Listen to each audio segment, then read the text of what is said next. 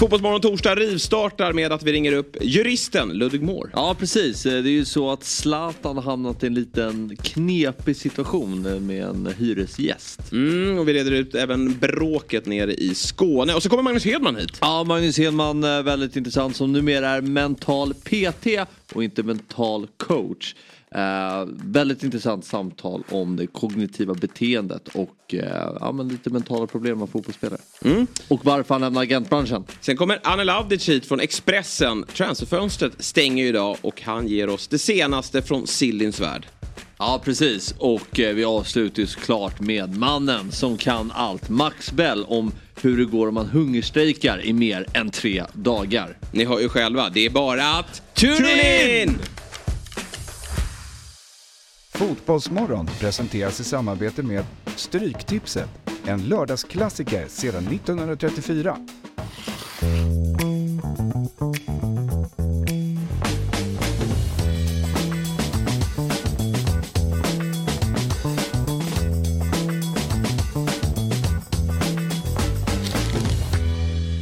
Där säger vi god morgon och varmt välkomna till Fotbollsmorgon torsdag, vårt 290 avsnitt av denna morgonshow. Jag heter Jesper Hoffman och jag sitter här såklart då med eh, Robin Berglund och Stocksunds IFs chefstränare Fabian Ahlstrand. Jajamän, det gör du. Mm. Och du vill att vi ska lyfta något ganska omedelbart i det här Nej programmet. det sa jag inte. Och det var väl... Ja, det var väl andemeningen. Du har tjatat om det. När jag kom in här på redaktionen så brukar jag alltid mötas av en Fabbe som kommer upp så här nära. eh, av olika anledningar. Och ibland är man på humör, ibland är man på mindre humör. Idag var jag på humör. Och jag, men jag, jag, jag har hållit på det. Ja. Och det är ju kardan och gratulationen till 5-0 för Stocksunds IF igår då uh, i matchen mot Väsby. En liten applåd va? Sluta nu. jag- har tjatat väldigt mycket om Nej. att vi ska eh, lämna tid åt det här för vi har ett ganska späckat schema här eh, som vi ofta har. Fick jag avboka Janne här till exempel. Ja, nu får du fan lägga ut texten nu. Ja, Så berätta här nu, vad var det som hände egentligen på Stockhagens IP under eh, onsdagskvällen? Nej. Midweek. Midweek-omgång. och det är match redan på lördag igen och sen onsdag igen. Oj, vi Midweek igen. Det är och periodisering. Ja det gör det och vi, igår fick vi förutsättning att göra det med tanke på att eh, vi gick in, upp i en ledning som gjorde att vi kunde rotera och, och sådär mycket. Ja. Eh, så um, um, nej, men en bra match av oss eh, igår. Jag tycker vi har gjort många bra matcher under den här säsongen. Din andra seger då? Jag var ju på det här i, i tisdags. Då sa du att du hade vunnit två matcher. Men jag visste ju att du har bara vunnit en. För den andra matchen var ju du eh, inte närvarande vid. Så eh, din andra är vinst för året och eh, med, med stora siffror också. Mm, ja, precis, nej, men vi, vi, har ju, vi har gjort många bra, bra prestationer. Ehm, vi, vi, det här var tredje matchen efter återstarten och vi har Ja men Vi nu vill vi höra om Ja, jag vet. Nej, men, vi förlor, men det jag vill komma till är att vi förlorade de första två och det är två förluster jag kanske kan ta på mig lite för jag har liksom frångått lite av det vi jobbade med under våren. Kan du då ta åt dig äran för den här vinsten? Nej men det här var liksom back to basics. Ja. Eh, och lite mest det vi har tränat på under, nej men. Framgångsreceptet från i våras helt enkelt. Ja precis, där vi gjorde många bra matcher men kanske inte fick med oss poängen. Nice. Eh, och eh, då är vi tillbaka och vi gör en jättebra match. Jag tycker vi, vi, vi, vi springer sönder motståndarna. Och ja, borde kunnat stänga den matchen tidigare. Vi har många bra lägen i första. Och eh, Vad står det i paus? 1-0. Bara 1-0. Bara 1-0. Och Har de kontakt då? eh? Ja men lite, det är ju inte, det är inte så att vi är helt överlägsna. Vi har en period mellan 20, match med 20 och 30 där vi... Ska ju sägas att ni möter jumbon också. Ja men... Det är viktigt. men Är det 2 gånger 45 Eh, Ja det är Ja, det. det är 3 gånger 10 Ja. I andra periodpausen då sa vi att nu... Nu räknar vi inte heller mål. Nej, precis. Ja, okej, 1-0 i paus.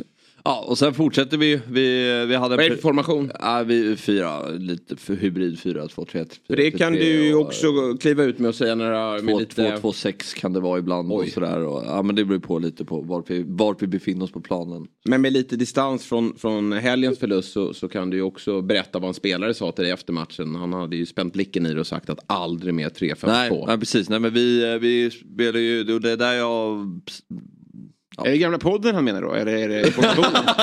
det också. det också. Sätt inte din fot i den Nej, verksamheten. nej. Jag lyssnade på väg till matchen. Vilken skit du häver ur dig. Ja, men du vet den matchen du var på när vi Ja. mötte Rotebro, då mötte vi serieledaren, han hade ganska mycket skador och få, alltså, eh, vi är tvungna att göra någonting och då testade jag 3-5-2, det föll väldigt väl ut. Och sen har jag ju fortsatt med det. Eh, Och det har varit ett ganska dumt beslut från min sida att jag har gjort det. Eh, Och då sa han, och då när vi mötte Rotebro förra helgen så hade vi 2-0 i arslet efter fem minuter. Med den uppställningen och det var helt... eh, Kan ju landa på spelarna också. Ja det är klart att det är det. Fotboll är ju någonstans spelarnas sport. Det är Ja. ju inte tränarens sport. Eh, Nej. Det, alltså, det finns ju ingen sport i världen där det är så mycket upp till spelarna eh, egentligen än vad fotboll är.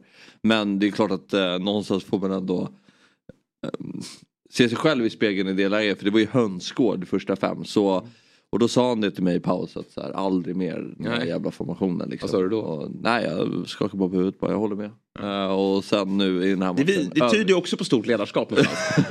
Va? Kunna erkänna sitt misstag och, och, och sen gå vidare därifrån. precis. Ja, men 5-0 mot Väsby. Viktigt för Stocksund som jag antar ligger kvar på en fjärde plats. Nej nu är vi tillbaka på fjärde plats. Ja, det är tillbaka Ja, på fjärde plats. Så Ja, nu är ja, match bra. lördag och eh, onsdag så nu är det bara att gasa. Eh, Just det. Vilka har ni på lördag då? Eh, Rydbo. Och det är en, Rydbo. eh, lite av rival, en, eh, ett, en, ett rivalmöte. Ja, okej. eh, förra matchen så låg vi under med 2-0. Hämt, vände till 3-2 sen gör de mål i sista sparken. Så det, är, det gäller att ja, vara på tårna där och ladda batterierna. Ja, så- men nu har ni lite självförtroende i laget då? Ja men precis, så ledigt idag, ledigt imorgon och så Och så på måndag, ja, Ja. sen är det ju match då. Ja, precis.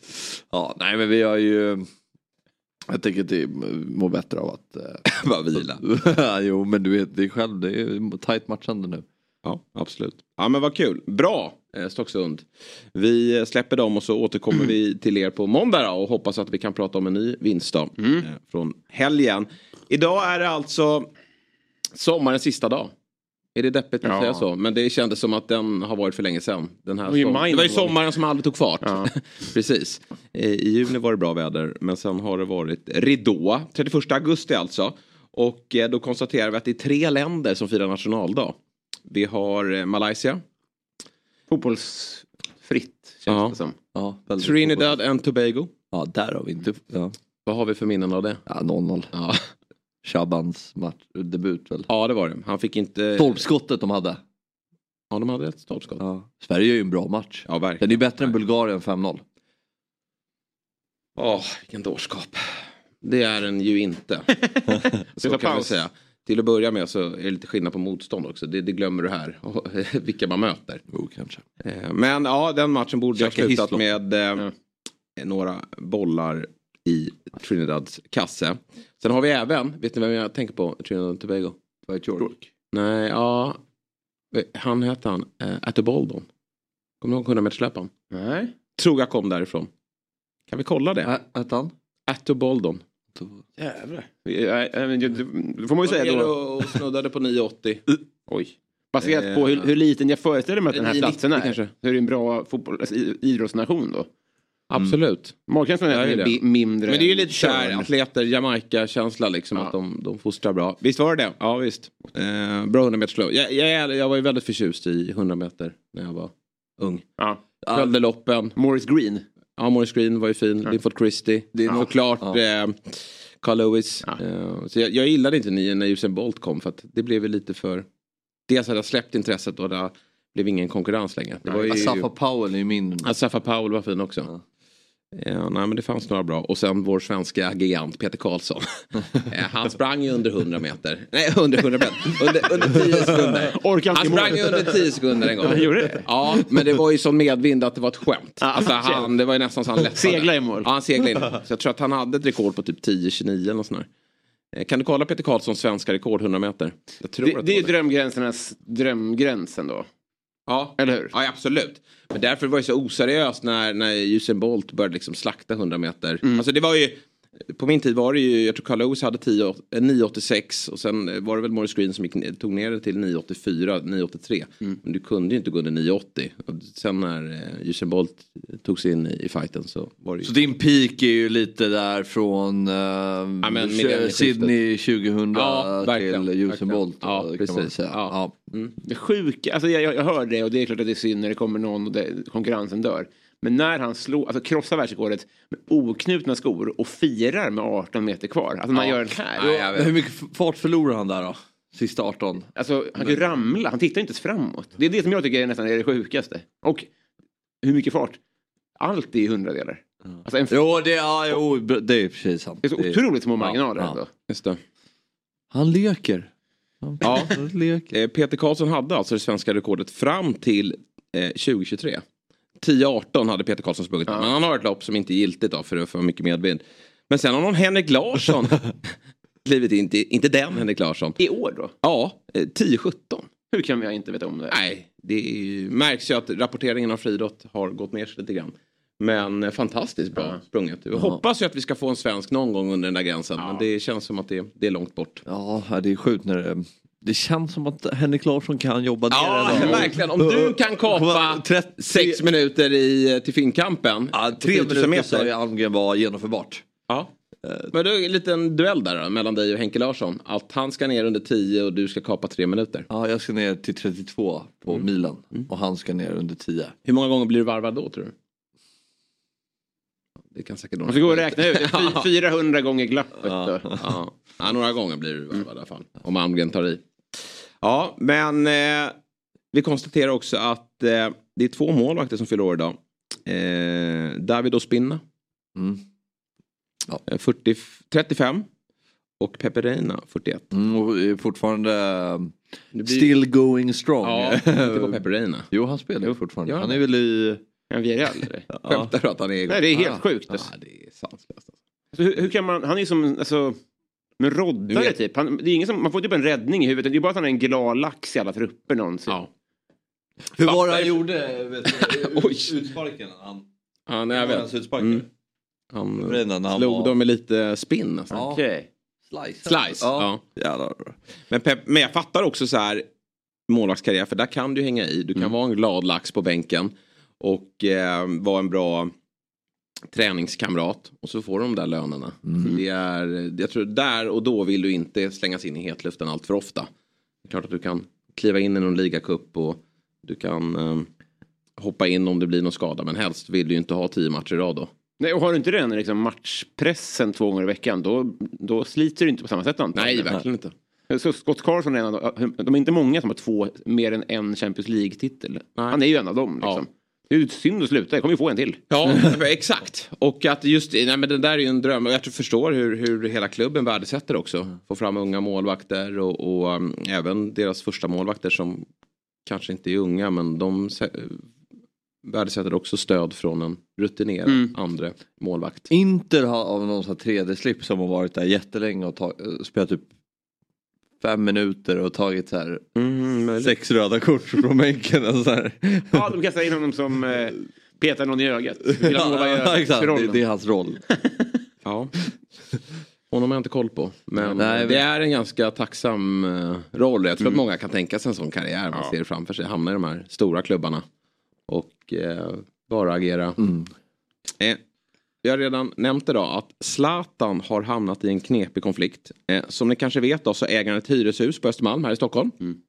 Och nu rapporterar Hem och Hyra, vilket skönt namn tycker jag, att Ibra stäms av sin hyresgäst. Tidigare år blev hyresgästen uppsagd på grund av en renovering och att Zlatan själv ska använda lägenheten. Men hyresgästen har vägrat att flytta ut. Istället då så har personen kontrakt, eh, kontaktat, eh, ja det får vi se vad de har kontaktat, det ska vi ta med vår gäst. Eh, men de vill alltså stämma Zlatan och eh, eh, vi undrar då såklart hur detta ska sluta.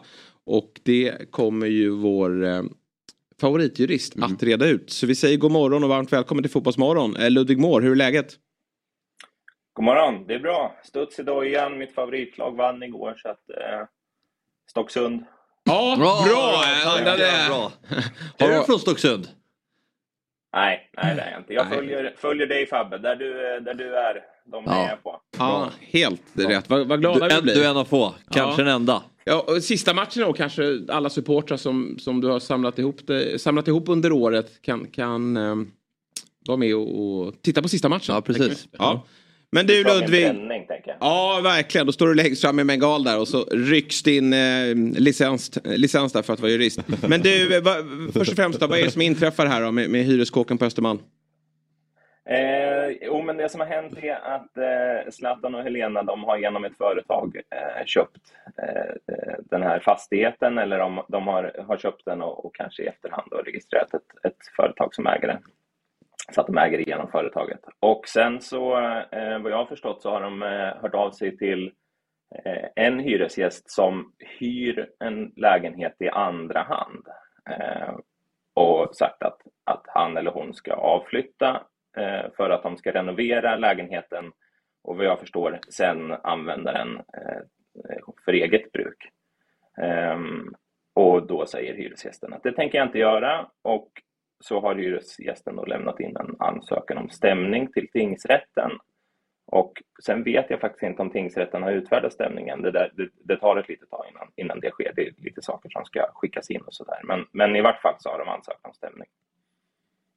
Och eh, vad känner du här då? Vilken sida står du på? Vi- Vilka, vem har starkast case här? Eh, jag skulle nog, eh, jag vet inte, det kanske finns någon sån advokatetisk regel om att oddsätta eh, Testa. utgångar i mål. Ja. Jag ska, ska, ja, precis. Jag får vara lite försiktig. Men, men generellt sett kan jag väl säga att en hyresgäst har, har eh, rätten på sin sida. Eh, re- regelverket som styr det här är, är liksom ett, ett skydds, eh, en skyddslagstiftning för hyresgästen. Eh, för att man brukar prata om att hyresgästen är den svagare parten. Ehm, och i, i synnerhet när det handlar om bostadshyra, alltså är det kanske en annan sak om det är en lokal hyra och det är ett företag som hyr en lokal. Men om det är en bostad som, som någon hyr så, så får det sådana enorma konsekvenser för privatlivet om man, om man tvingas flytta. Eh, så, så utgångspunkten är att hyresgästen har, har liksom lagen med sig. Men det betyder inte att man i alla lägen kan, kan vägra att flytta om en hyresvärd säger att eh, vi ska göra det här så du måste flytta. Ombyggnation, om den är omfattande, är ett sådant skäl som kan göra att man har rätt till att flytta. Eller privata skäl. Och det skulle ju kunna vara till exempel att man behöver använda lägenheten själv. Mm. Känns som att Zlatan har några lägenheter att kunna nyttja. Men det går väl att peka på att en grabb ska ha den där. Eh, det var en etta läste jag på, på lite drygt 40 kvadrat. Men det här gör ju att det är, det är väldigt svårt i, i Sverige väl att, att eh, som du är inne på, att, att flytta på en hyresgäst. Och i Zlatans fall så är det ju som så att den här, det är inte han som har, det är inte de som har hyrt ut den här lägenheten utan den, som jag förstår det så har hyresgästen bott där i några år. Eh, ja, det har han gjort. Eh, och, och dessutom så eh, verkar det som att det är ett uthyrningsföretag som är den verkliga hyresgästen, då, eller, eller den som är förstahandshyresgäst.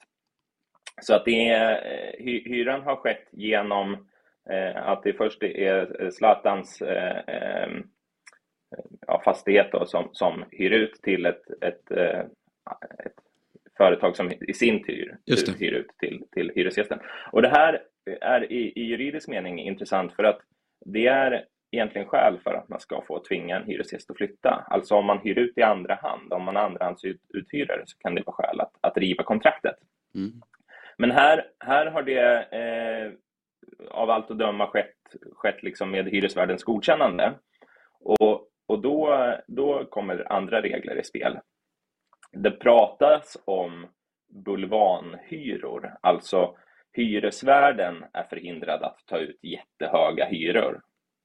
Och då, då finns det eh, ett fenomen där, där en, ett företag är hyresgäst och sen så höjer det företaget hyran oskäligt mycket till en andrahandshyresgäst. Och så eh, kan man försöka kringgå lagar eh, som, som är till för att skydda hyresgästen på det sättet. Och det verkar eh, den här personen som har skickat in en stämningsansökan nu mot Zlatan eh, mena att det är fallet. Eh, Så det, det eh, blir spännande att se, eh, för i sådana fall så har hyresgästen även om han är en andrahandshyresgäst, betydligt mer på, på sin sida. Mm. Utan att på något sätt spekulera, men finns det liksom eh, finns det risk för att om man har en väldigt känd hyresvärd att man kan dra dens rykte i smutsen ganska mycket genom att bara dra igång en sån här process. För hyresgästen är ju vad jag vet helt okänd. Eh, förekommer det sådana exempel som du vet där man liksom eh, som okänd person har ganska lite att förlora på det men den man drar in i det har, för, det, ser, det ser illa ut för Zlatan tänker jag att det här sker. Ja, jag har, har nog ingen, ingen koll på om, om det är vanligt förekommande att man har en känd hyresvärd och man väljer att, att eh, eh, liksom genom en domstolsprocess eh, svärta ner dens rykte. Däremot så, så tänker jag att det bör, bör rimligtvis vara så. Eh, ett helt annat exempel är ju Ebba Busch eh, som, som eh, låg i fastighetstvist. Jag tror, nu, nu vet jag inte riktigt hur det gick i den, men, men jag jag tror inte att hon var överlycklig över liksom, det fokuset den fick för henne som politiker. Eh, så, så eh, jag vet inte, skulle jag vara Zlatan kanske jag skulle försöka köpa mig ur det här. Ja, just det. Eh, eh betala, vill, vill, du verkligen ha lägenheten? Jag är väl lite inne på ert spår. Han lär väl ha en och annan lägenhet som han kan nyttja.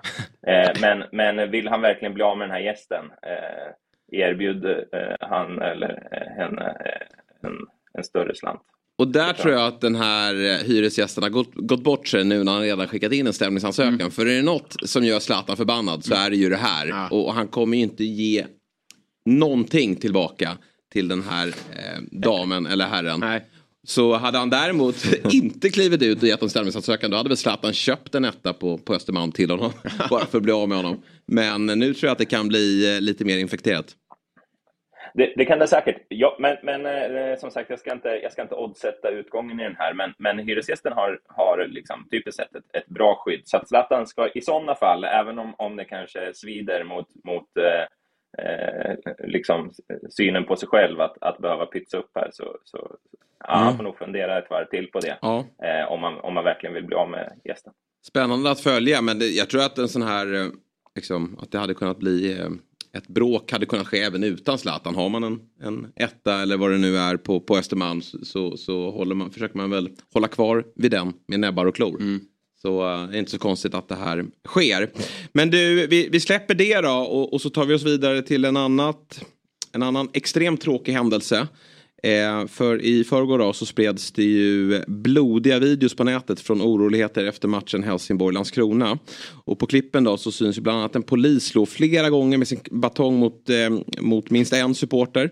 Och nu har polisen anmält sig själva och en utredning kommer att inledas. Eh, du, du, har sett bilderna antar jag. Va, vad, vad säger du om det som syns? Eh, det är ju förfärligt det, det ser jätteotäckt ut. Och, och, utan att liksom hålla på sådär att, att äh, prata massa om att man inte vet sammanhanget, man har inte sett vad som har, har föregått det här och, och, och så. så äh, jag tänker att ett, ett, första slag för att få en person att sätta sig ner, den, den, eh, den makten har någonstans polisen. Men här, här sker ju ganska många slag och, och från vad jag kan se så, så personen sitter ner och, och gör inte särskilt mycket. Så att, så att nej, det, det ser inget bra ut. Nej, Men du... användandet av pepparspray, varför är det så vanligt förekommande i sådana här supportsammanhang? Får polisen använda pepparspray, ja till exempel i det här tillfället? Jag kan inte, det finns ju särskilda föreskrifter antar jag om, om just eh, användande av, av eh, pepparspray. Eh, och de kan inte jag. Eh, mm. men, men våldsmonopolet som polisen har, det, det är ju liksom till för att de, om andra medel är, är otillräckliga så, så får, de, får de använda våld för att kunna, ja, till exempel då eh, gripa en person eller för att eh, eh få folk att, att sluta med ett, ett brottsligt beteende. Mm. Eh, och, och det där måste ju ses som någon form av, av spektra där, där ena ytterkanten är att man pratar med en person och andra ytterkanten är att man skjuter en person och, och pepparsprayen befinner väl sig någonstans däremellan. Mm. Um, så att uh, jag, jag lyssnade på en annan podd igår med en polis som var med. Han, han sa att eh, han, han såg på det som att om man använder pepparspray så måste personen som, som blir sprayad ha möjlighet att liksom röra sig därifrån. Eh, I ett trängt läge så, så kan man inte använda pepparsprayen för att då kan personen inte ens komma bort från det och, och då blir det bara, bara bestraffning. Mm. Mm. Det har vi var... sett några gånger på, på, i, i samband med fotbollsderbyn där, där jag tror att det var AIK-supportrar här för något eller några år sedan blev sprayade utan att kunna ta sig loss. Och, och så kan jag inte tänka mig att det går till. Nej, hur vanligt är det att polisen anmäler sig själva då? Som har skett i det här fallet. De har en, en absolut anmälningsplikt. För varje brott de ser så måste de anmäla. Eh, och det gäller både gentemot Eh, allmänheten, alltså om de skulle se eh, någon av oss eh, begå ett brott, eller för den delen om de ser en kollega begå ett brott. I vilken utsträckning det sker, det vet inte jag, men, men så, så säger reglerna i alla fall. De måste anmäla. Det här kommer en riktigt dum fråga, för jag gissar att så som det har använts på bilder som jag såg typ södra Europa när jag var liten, att det var mycket högre tryck i än vad jag syftar på nu. Men vattenkanoner. Alltså pepparspray är ju så jävla... Det är så läskigt ju. Mm. Det, det, som du säger att man, man får ju panik och man kan inte ta sig ut. Liksom. Men kan man inte använda vatten mer än vad man gör för att skingra en folkmassa? Jag tror inte att det används i alla fall. Eh, det, så, så att det, det du, du, får väl föreslå det för, för eh, Polismyndigheten att de, ska, att de ska skriva in det i någon föreskrift. Men, men eh, jag vet inte, det, det är väl också ett ganska jag, jag, tror att det, är en sån sak som, som kan göra rätt mycket skada om det används på, på fel sätt. Eh, tanken är ju att den här pepparsprayen inte ska användas på det här sättet utan att det ska vara en, en eh, utväg som, som används för att eh, inte behöva använda pistol till exempel. Mm. Men, men, det är klart, vatten, jag vet inte om en, en vattenkanon i, i, relation till en pepparspray är, är görligt. Det, det kanske det är. Mm. Du, det finns ju mängder med bil, eh, bildmaterial som sagt och, och, nu har polisen anmält sig själva. vad, eh, vad ger du för odds då till att polisen blir fälld här? eh, jag, jag vågar, vågar mig nog inte på det, inte av någon advokatetisk regel utan man måste nog se hela sammanhanget ändå. Eh, men men om, man, om man kollar till eh, vad eh, vad det här skulle kunna vara för brott så, så pratar vi ändå att det, det är absolut, det, dels kan det vara tjänstefel, eh, men det, det, skulle också kunna vara misshandel eller, eller till och med grov misshandel. Är det grov misshandel så är det, är det presumtion för fängelse. Ja. Eh, och, och då, då är det ju problem för, för polisen om det, om det blir så. Eh, men, eh, ja. Och spelar det någon, spelar någon roll då vad, vad den här personen i fråga som har blivit utsatt för misshandeln har gjort tidigare? Det kanske gör i och med att det är en polis. Ja, ja. Ja, dels kan ju det aktivera det här våldsanvändningen, alltså att polisen får använda sig av våld. Eh, men, men det, om man, om man ser bort från att det är en polis som, som har gjort det här, om man bara skulle kolla på om, om eh, eh, du och jag Jesper skulle slåss med mm. varandra. Mm. Om jag skulle provocera fram eh, våld hos dig så kan det ha viss eh, innebörd eh, i, i bedömningen sen om, om du har eh, gjort något brottsligt. Både så tillvida att du kan agera i nödvärn men också att, att eh, provokation kan i viss del påverka påföljdsvalet. Mm. Ja, intressant eh, och um, otroligt otäcka mm bilder som man eh, fick ta del av. Och det ser ju, återigen, nu slängs man in i, i vad som hände under, under den här sekvensen. Men, men det ser ganska lugnt ut sen tidigare. Mm. Eh, men, men ja, det är svårt att bedöma. Känns det som. Alltså, ja. på, men vad var det de här, efter den här eh, incidenten vid Solna station där efter Stockholmsderbyt? För jag antar att det var det exemplet du syftade på när polisen mer eller mindre boxar in Eh, Eh, massa supportrar och eh, sprayar med, med pepparspray så att de inte kan ta sig därifrån. Vad var det som hände? Vad blev konsekvenserna av det? Jag tänker det här är nog en ganska liten liknande situation. Ja, om det, om det nu är eh, det Eh, om, om, vi pratar om samma exempel så vet jag att det skickades in en JO-anmälan av, en, eh, av en, eh, en, en, gammal chef till mig faktiskt som är aik och advokat. Så han skickade in en, en, en JO-anmälan. Jag vet inte vad det där resulterade i. Men, men i alla fall kollade väl JO på det. Mm. Ja, vi får följa det där och återkomma Ludvig när det närmar sig rättegång. Blir det väl. Först kanske åklagaren ska säga sitt och så men, men eh, det lär väl bli en följetong av det här. Nu inleds en, eh, ja i alla fall den här internutredningen inleds och den görs av en, av en särskild eh, polisdel som sitter helt avskilt från resten av, av eh, polisen eh, när de har sådana här interna utredningar och det leds av en åklagare som, som eh, antingen då lägger ner det eller väcker åtal. Så vi får se. Ja, Spännande mm. som alltid att prata med Ludvig Moore. Vi håller tummarna för Stocksund. Och att Nej, får... det, Ludvig gör inte du. Jo, jag gör det också. Det gör jag ju, det har vi ju konstaterat. Och inte Robin. Lite roligare rubriker när det går till helvete, men eh, vi, vi håller tummarna. Bra Ludvig, vi tackar dig så mycket för eh, denna torsdag. Önskar dig en trevlig helg när den kommer och så hörs vi framåt. Det gör vi, ha det bra. Ha det bra, hej. Hej, Fabian Ahlstrand från Dobb här. Jag vill tipsa om programmet 08 Fotboll som sänds varje vecka på Dobb-TV. Vi spelar in ett nytt program varje onsdag där vi går igenom allt det senaste som hänt inom AIK, Djurgården och Hammarby. Just nu kan du testa Dobb-TV i två veckor helt fritt utan bindningstid för att se 08 Fotboll och våra andra program på Dobb-TV. Detta genom att använda koden Fotbollsmorgon när du startar valfritt abonnemang via www.dobb.tv. 08 Fotboll kan du se hos Dobb-TV via en webbläsare eller genom att ladda ner vår populära app Dobb-TV. Så in på www.dobb.tv och testa två veckor fritt med koden Fotbollsmorgon. Poddtips från Podplay. I podden Något Kaiko garanterar östgötarna Brutti och jag, Davva, dig en stor dos skratt. Där följer jag pladask för köttätandet igen. Man är lite som en jävla vampyr. Man har fått lite blodsmak och då måste man ha mer. Udda spaningar, fängslande anekdoter och en och annan arg rant. Jag måste ha mitt kaffe på morgonen för annars är jag ingen trevlig människa. Då är du ingen trevlig människa, punkt. Något kajko, hör du på podplay. Därför är Jag tror att vi alldeles strax ska gästas eh, utav eh, en av de största mm. målvakterna vi har i detta avlånga mm. land. Eh, han är på plats här alldeles strax. Och här äntrar han studion.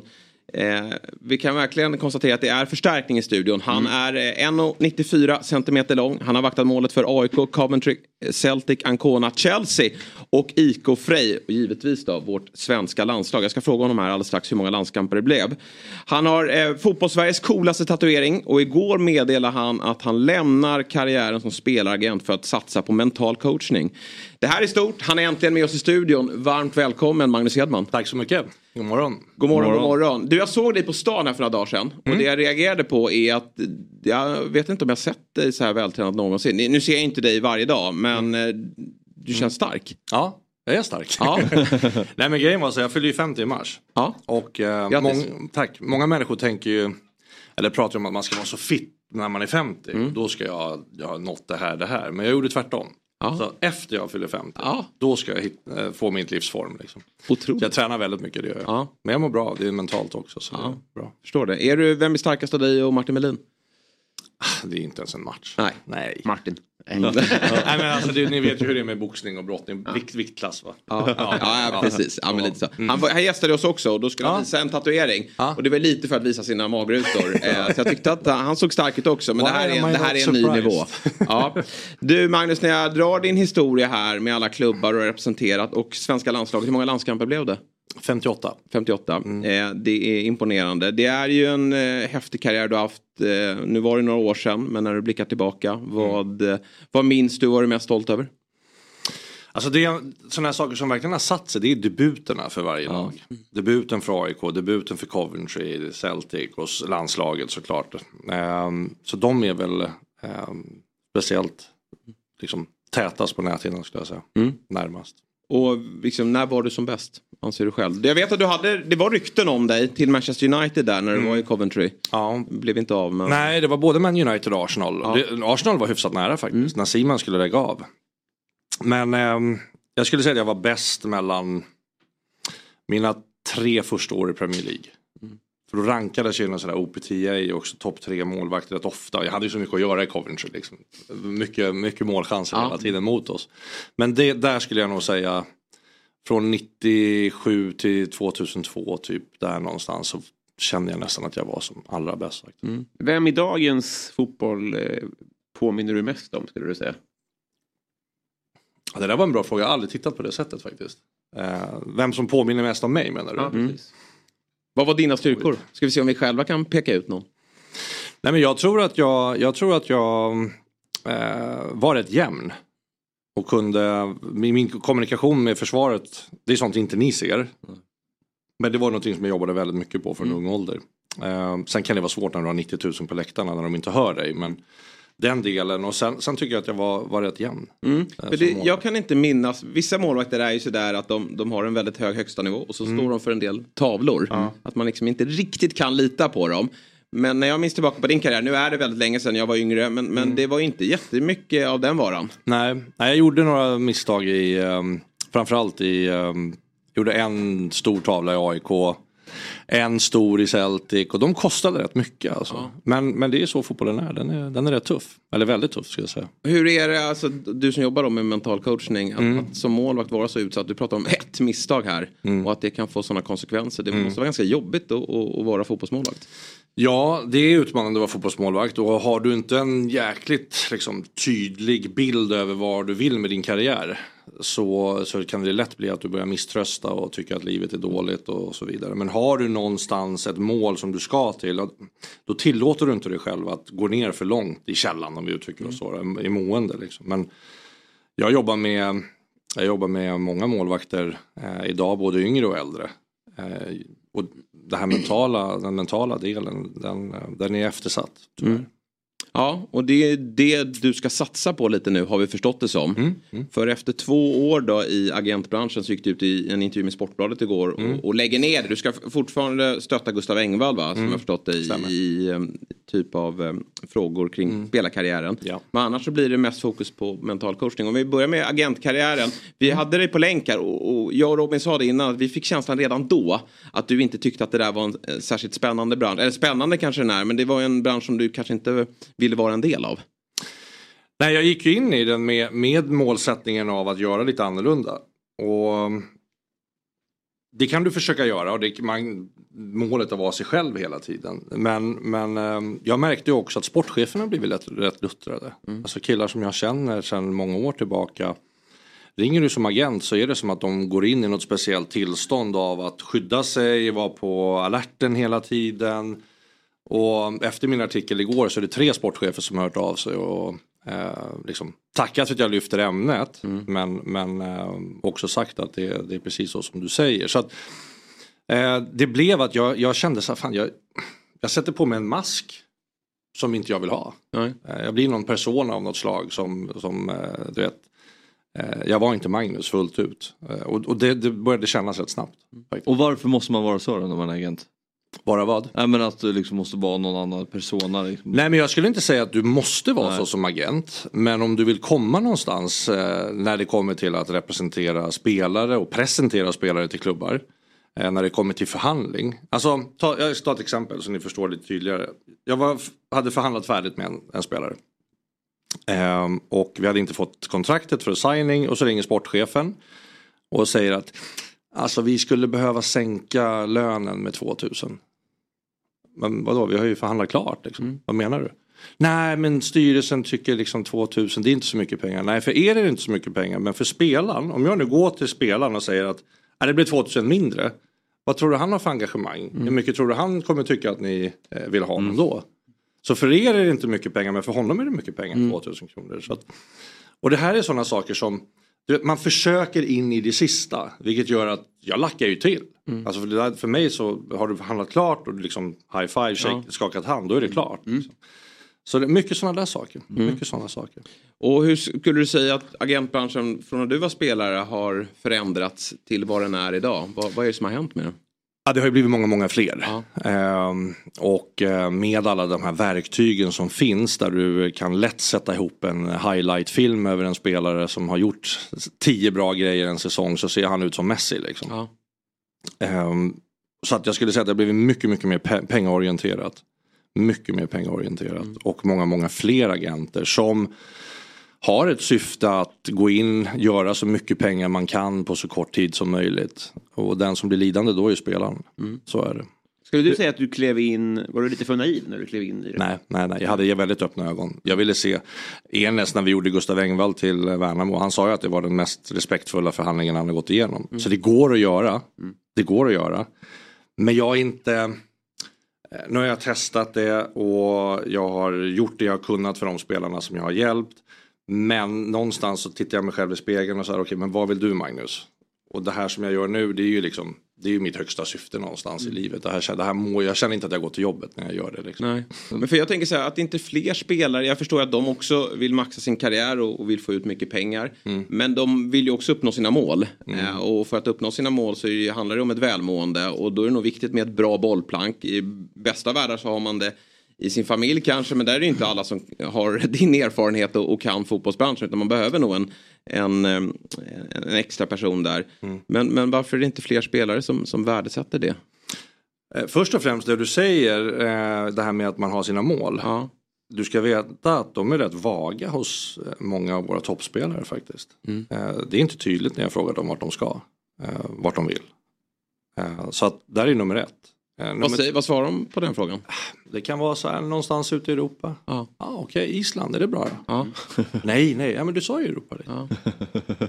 Ja, nej, och så att, och, det är det här att tillåta sig själv att faktiskt tänka lite större än, än eh, men sen den andra delen är ju mycket så att i Sverige så finns det någon form av stigma, det finns någon form av bild av att söker jag mental hjälp så är det något fel på mig.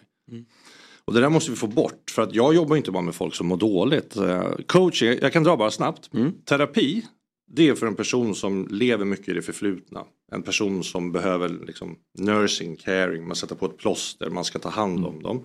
De har ingen ego strength, kraft, inre kraft att bli utmanade till förändring. De vill inte förä- förändras. Så tar du en sån person till en coach så kan det nästan bli neurotiskt för att du coachar dem in i ett tillstånd som är sämre. Coaching är för den personen som har ego strength, som vill framåt, som är lite troubled of reality kan man säga. Det är skillnaden på coaching. Coaching den kan vara väldigt utmanande. Inte genom att jag ställer dumma frågor eller är otrevlig men jag stretchar ditt sinne eh, och, och utmanar dina strukturer som du har haft i, i hela ditt liv. Så klart att det blir så här wow. Men det är också otroligt kraftfullt när man som klient kan se att fan, det finns ett perspektiv. Det är inte bara så här utan man kan göra så eller man kan tänka så här. Så att, det är skillnaden. Men många människor i, som, som har lite problem idag går till terapeuter eller psykologer, psykiatriker. Och det, det är inte det som tar dem framåt. Ehm, så att vi behöver lära oss att liksom skilja, liksom, eh, vad, vad är skillnaden på de här olika sakerna? De är superviktiga. Vad skulle du säga är de vanligaste bakomliggande orsakerna till liksom, mentala problem bland eh, fotbollsspelare idag? Högpresterande personer, om vi tar fotbollsspelare. Eh, han, där, där har de kopplat ihop sin person med sin prestation. Så att eh, jag, är bra, jag var fotbollsspelaren Magnus. När jag spelade bra fotboll då mådde jag bra som människa. Så gjorde jag ett misstag då lämnade jag inte huset för då kände jag mig som en värdelös människa. Och den skillnaden och när du gör det, eh, kopplar ihop din prestation med person, då blir det också att du blir väldigt rädd för att få kritik. För då är det ju inte ditt fotbollsspelande du får kritik för, då är det ju hela dig. Eller det är så du ser på det i alla fall. Så där har vi nummer ett, den är jätte, jättestor. Det som också gör, det som händer med de här personerna då, det är att de blir rädda för att göra misstag. De eh, blir lätt perfektionister, allt ska vara perfekt. Och då är du rädslostyrd istället, rädslan för att göra misstag. Och jag skulle säga att de två grejerna i kombination med att man ehm, eh, inte har en bra relation till andra människor. Vad jag menar med det är att relationen till andra människor är så att om jag får bekräftelse och belöning då känner jag mig värd någonting. Så jag börjar bli en bekräftelsejunkie. Jag börjar söka mer och mer belöningar, mer och mer bekräftelser. Eh, och sen kan det vara så att du gör en bra träning men tränaren säger inte fan bra gjort. Och då börjar du ställa dig frågor, så undrar om han tycker jag var bra eller vad tyckte supportrarna? Och tänk er själva när ni börjar gå och ställa er frågor, vilken stress man skapar om du inte rätar ut frågetecknen till ett utropstecken. Så jag skulle säga att de, de tre sakerna, just det här med att skilja på vem man är och det man gör, eh, perfektionismen och eh, rädslan för och vikten av vad andra människor tycker. För du vet om du ska plisa alla andra människor till att tycka att det du gör är bra och rätt och så vidare. Ehm, då kommer du spela ett spel i varje relation. Du kommer försöka vara någon som passar in hela tiden. Men varje gång du försöker plisa alla andra då tar du en liten bit av dig själv. Liksom. Du tappar kontrollen. Så egentligen det jag gör med fotbollsspelarna det är att jag hjälper dem att få kontrollen inifrån Mm. och ut. Kan man säga. Fick du någon coachning under din eh, karriär som fotbollsspelare? Jag hade en, ehm, jag ska inte nämna honom vid namn. Nej. Ehm, han kom hem till mig, jag hade en lite så jobbig period i AIK. Ja. Och så sa han det, du, om någon kom in här på natten i din lägenhet eh, när du sov, vad hade du gjort då? Ja, antagligen slagit ihjäl dem. Ja. Ja, ehm, så ska du se på ditt målområde. Fast det kanske inte blir så bra, då lär jag väl få ett par röda kort under säsongen. Liksom. Så det var min kontakt jag med, med, med så kallad idrottspsykolog. Men hur mycket, ja, ja, om jag ser tillbaka eh, så är det ju som så att du har en väldigt framgångsrik karriär. Och det kom aldrig upp till ytan om att du led av någon, någon psykisk ohälsa då, där och då. Utan snarare att det kom lite efter karriären med, med missbruk och att du ja, hade psykisk ohälsa. Eh, är det någonting som, hade du liksom, var du med under hela karriären eller var det någonting som kom fram efter att du hade slutat? Alltså jag visste ju inte det. Nej. då. Um, bipolariteten fick jag ju 2014, bipolär 2. Um, ADHD som inte jag ser som en sjukdom men det var ju 2013. Men jag skulle säga sen, sen, jag, sen 2017 där i november sen jag slutade med droger så har inte jag haft ett enda skov. Nej. Så jag tror inte ens att jag är bipolär. Men beroendesjukdomen och bipolariteten är så otroligt lika varandra i symptom och, eh, och hur den uttrycker sig. Jag har inte haft ett enda skov och jag äter ingen medicin heller. Så att jag, jag tror att eh, Men mitt förhållningssätt till min eh, dysfunktionella uppväxt har ju eh, det, kanske inte riktigt, jag har ju stängt undan den, gömt den någonstans. Hade du skov under spelarkarriären eller kom de också efter? Nej, de kom efter. Ja. Mm, de kom efter. När du ser tillbaks på eh, karriären, vad, vad kan du peka ut som eh, av, av, av, vad delar av psykisk ohälsa som där kan du hitta i din karriär nu när du tittar tillbaks på det som du inte såg då? Alltså utifrån mig? Ja. Nej, jag skulle inte säga att jag ser så mycket för att jag hade en väldigt tydlig riktning. Mm. Jag var otroligt fokuserad, väldigt eh, kanaliserad in i det här är det jag ska göra. Liksom. Jag skrev på min mammas köksbord när jag var tio år att jag ska bli fotbollsproffs med en kniv. Eh, så att jag var väldigt tydlig. Eh, så jag skulle nog säga snarare att fotbollen, det visades inte några sådana saker för fotbollen var ju mitt beroende. Mm.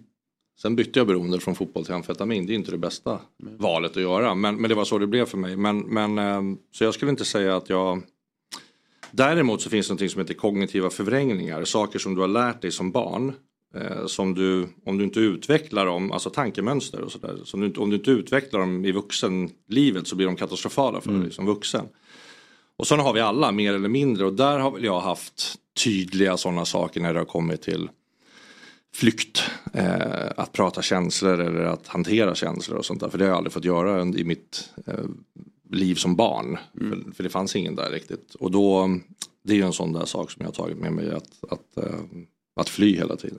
Så att det blev ju så att hade jag problem privat då flydde jag ju. Då tränade jag ju mer eller någonting. Så fotbollen blev ju min räddningsplanka skulle jag säga. Faktiskt. Eh, Du berättade för Sportbladet då att spelare äter antidepressiva mediciner och Mm. den psykiska ohälsan är ett stort problem. Vi såg ju Dele Alli här kliva ut i en rörande intervju med eh, Gary Neville. Mm. Hur, eh, ja, hur stort är det här problemet? Eh, skulle du säga bland, bland fotbollsspelare idag? Alltså det är mycket större än vad vi tror. Ja. Är det. Eh, må dåligt, det är fine, det kan alla göra. Sådär. Men när du, när du eh, går ner och ältar saker och du, du liksom går in i ett tillstånd av eh, hopplöshet. Så är det lätt att hamna i depressioner. Eh, den psykiska ohälsan, för det är så här, det är ett flummigt ord, psykisk ohälsa.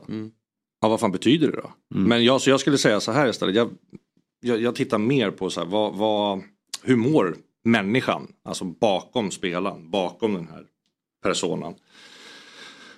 Och det är många som, som ehm, just utifrån de här kognitiva förvrängningarna som jag pratade om. Man använder sig av metoder som jag gjorde som barn som inte funkar. Det är en mycket snabbare värld. Eh, och nej, det, det, det, det är synd att se. Är det. Men det finns också lösningar. det. Hur säljer du in då ett samarbete med en, med en, eh, med en spelare? Varför ska man använda sig av Magnus Hedman? Alltså jag säljer inte in det så mycket utan jag kan... Eh, nu har jag, jag har jobbat med tre Djurgårdsspelare faktiskt. Mm. Eh, alla har blivit utlandsproffs. Så jag har inte jobbat med dem så länge från det att jag fick dem till att de har blivit utlandsproffs. De har haft sina olika utmaningar. Joel, eh, Azor, Viktor och, och Isak igen. Mm. Men ehm, där handlar det egentligen bara om att ja, men, ge mig en kvart. Ehm, så ska vi se om, ska se om jag kan hjälpa dig. Mm. Och jag vet, jag, jag, kan ju, jag ger ju alla mina klienter pengarna tillbaka garanti. För jag vet att jag kommer att hjälpa dem. Mm. Eh, på ett eller annat sätt. Till att må bättre, till att karriären går bättre. Men skillnaden på det jag gör och många andra är att de tittar mycket på vad ska du göra istället. Jag tittar på insidan, okej vad behöver vi tänka istället? Eller har du tänkt på det här? Eller har du någonsin funderat på? Så att man måste börja inne. The inner game creates the outer game, det är så det funkar. Hur mycket av det här som du, alltså man hör ju på det, du har en otrolig kunskap kring Mm. det här. Hur mycket är utbildning liksom, eller hur mycket har du liksom funnit på egen hand så att säga? Mm. Genom din egna resa? Så mycket av det jag pratar om nu är en kombination Ja. skulle jag säga. Men, men jag har gjort väldigt mycket utbildningar. Fan, jag tittade på det där, hur mycket pengar och tid och resor och sånt där som jag har spenderat. För jag har inte gjort så många utbildningar i Sverige, de flesta i utlandet. Och um, jag kände verkligen att den här kombinationen och, och egentligen så handlar det mycket om för fotbollsspelare, det hade jag en spelare senast förra veckan som sa men det är så skönt att prata med dig för du förstår min värld. Du kan vara en superduktig coach eller psykolog eller någonting men har du inte varit inne i fotbollsvärlden så kan du som spelare tycka så här, men vad fan du har ingen koll på hur liv, mitt liv är. Och det kan vara så för det är väldigt extremt. Sen när det kommer till chefer, jag har en politiker som jag coachar. De är ju, där går de ju under liksom paraplyt av att vara högpresterande. Eh, Så det är det som är min nisch kan man säga. Men eh, det är ett fint jobb. Eh, jag skulle säga att mycket av alltså, all den här allt som jag pratar om när det kommer till kognitiva förvrängningar och hur sinnet och hjärnan och det fungerar. Det är ju utbildning såklart. Eh, men jag har svårt att se att någon klient ska säga någonting som får mig så här. Med tanke på hur mitt liv har varit liksom, och hur jag har levt. Men jag kan, jag, ja, du, du, berättade om dina mål från när, du- när du var 10. Att så här, jag, ska bli, jag ska bli fotbollsproffs och så hör du andra spelare säga att de inte har några mål till exempel. Att, ja, men man har inte målsättningen att bli proffs i Europa och sådär. Hur, hur mycket utgår från din egna spelarkarriär när du försöker hjälpa all, andra och vad finns det för liksom, för och nackdelar med det? Alltså när jag utgår från min spelarkarriär då använder jag det när en spelare berättar någonting. Så kan jag säga okej jag förstår vad du menar, jag förstår hur du känner. Mer så att få dem att känna sig förstådda och trygga i vårat samtal. Liksom. Eh, som coach, så fort om jag skulle börja lägga min karriär eller mina erfarenheter till dig. Då är jag inte coach, då är jag mer mentor eller konsult som ska ge tips och råd och så vidare. Jag, jag gör inte så mycket så. Alltså mitt går ut på att egentligen ställa frågor. Sen tror ju klienterna att jag berättar för dem. För de ser ju inte frågetecknet efter hela tiden. Liksom. Det är det som är det svåra med coaching. Men tänk er att om jag säger någonting till dig med ett utropstecken, det blir ett statement. Då har du ett val att ta. Gillar jag det här eller gillar jag det inte? Either or. Men så att ställer jag dig en fråga, varför är det viktigt för dig? Hjärnan kan inte undgå att inte svara och då blir det lite så här both and. Okej, ja varför är det viktigt för mig? Och då inleder det till reflektion. Så det är skillnaden på ett statement och ett frågetecken. Så all kommunikation egentligen bygger på att använda sig av frågetecken. jag tänker att alla klubbar borde ju ha en, en, eh, en liten eh, låda med ditt visitkort till sina spelare på så sätt. Jag vet att vissa klubbar har ju mental coach men det kan ju också vara någonting som känns läskigt för en spelare på så sätt att nu vet tränaren om att jag har eh, mina, mina problem och man kanske inte riktigt vågar ta klivet att prata med, med den mentala tränaren. Men i ditt fall så borde de kunna säga så här, men ska inte ta eller så här, Magnus Hedman finns här också eh, som du kan jobba vid sidan av klubben o- om du behöver hjälp och vägledning. Borde det inte, borde det inte funka så? Jag förstår att du vill det men, men känner du att du blir bemött så av klubben? Att de, Ja, jag har inte ens gått ut till klubbarna än. Jag känner Nej. att jag ville lämna agentjobbet för att inte sitta på två stolar först och främst. Och för att inte bli ett hot gentemot och det är lite andra. laddat ord också att vara agent. Ja, ja, Eller hur? super- Då är det så här, han är ute efter pengar. Ja, ja, Får jag superladdat. Ja. Ja, det är superladdat. Alltså. Så att för mig så kände jag att vill jag göra det här karriärsvalet så måste jag göra det fullt ut. Liksom. Ehm, jag har pratat och har jobbat ju redan idag med x antal klubbar. Men grejen är ju att ehm, se det så här. Om du aldrig tränar mentalt. Ja, du tränar aldrig. Du, du ska träna på en vänster yttersida. Ja, du får lägga ner en jävla massa timmar och massa misstag och så vidare. Men sen börjar du lära dig skillsen när, för hur du ska göra en vänster yttersida. Men om du aldrig får lära dig att hantera vissa saker i ditt liv, vissa tankar som dyker upp, vissa mönster. Utan du bara, du bara, det bara hänger med på vägen. Ja, men, då kan du inte slå på dig själv för att du inte har kommit längre mentalt egentligen. Om man tänker efter. Mm. Så att jag vill ju ta bort den här dramatiken kring att jobba med mental coach. Nästan så att jag funderar på att kalla mig för mental PT. Mm. Eh, bara för att liksom ta bort dramatiken kring det och jobba med det mentala så att du får ännu mer kontroll över din karriär. Ännu mer kontroll över dina känslor och dig själv. Liksom. Och det här märker jag ju även i näringslivet. Det är otroligt känsligt för folk. De har kommit längre i näringslivet. Men jag märker det på vissa chefer att det är, det är otroligt hysch-hysch. Sen lever jag ju under sekretess. Eh, Viktor och Joel och Isak har ju fått godkännande av att eh, använda som testimonials. Men jag har ju många spelare som, som jag jobbar med och våran sekretess är lika rigorös som, som en läkares. Liksom. Hur många jobbar du med idag? Fotbollsspelare? Ja, på, ja Eh, totalt. Ja, nej, men fotbollsspelare. fotbollsspelare. fotbollsspelare så har jag typ nio Mm. jag jobbar med. Eh, jag har två yngre. Hur De- tidigt kan man börja tycker du? Liksom hur... För idag ser vi unga killar som får, och tjejer får, får eh, individuell träning i väldigt tidig ålder med, Mm. med Skills Academy och andra olika typer av eh, duktiga bolag som jobbar med det där. Men när... när eh, säger Eller icke-bolag. Eller icke-bolag. När, när tror du att man söker sig till... eh, När är det bra att söka sig till en Alltså jag, jag, jag hade en som jag jobbade med innan, eh, nu i våras innan sommaren som var 15. Mm. Som skulle provträna för en, för en akademiklubb. Mm. Och som var lite rädslostyrd och rädd för att göra misstag och sådär. Så vi, eh, vi körde sex sessions. Eh, Så jag skulle väl säga någonstans där, men det beror lite på situationen, det beror lite på hur långt den här killen eller tjejen har kommit mentalt också.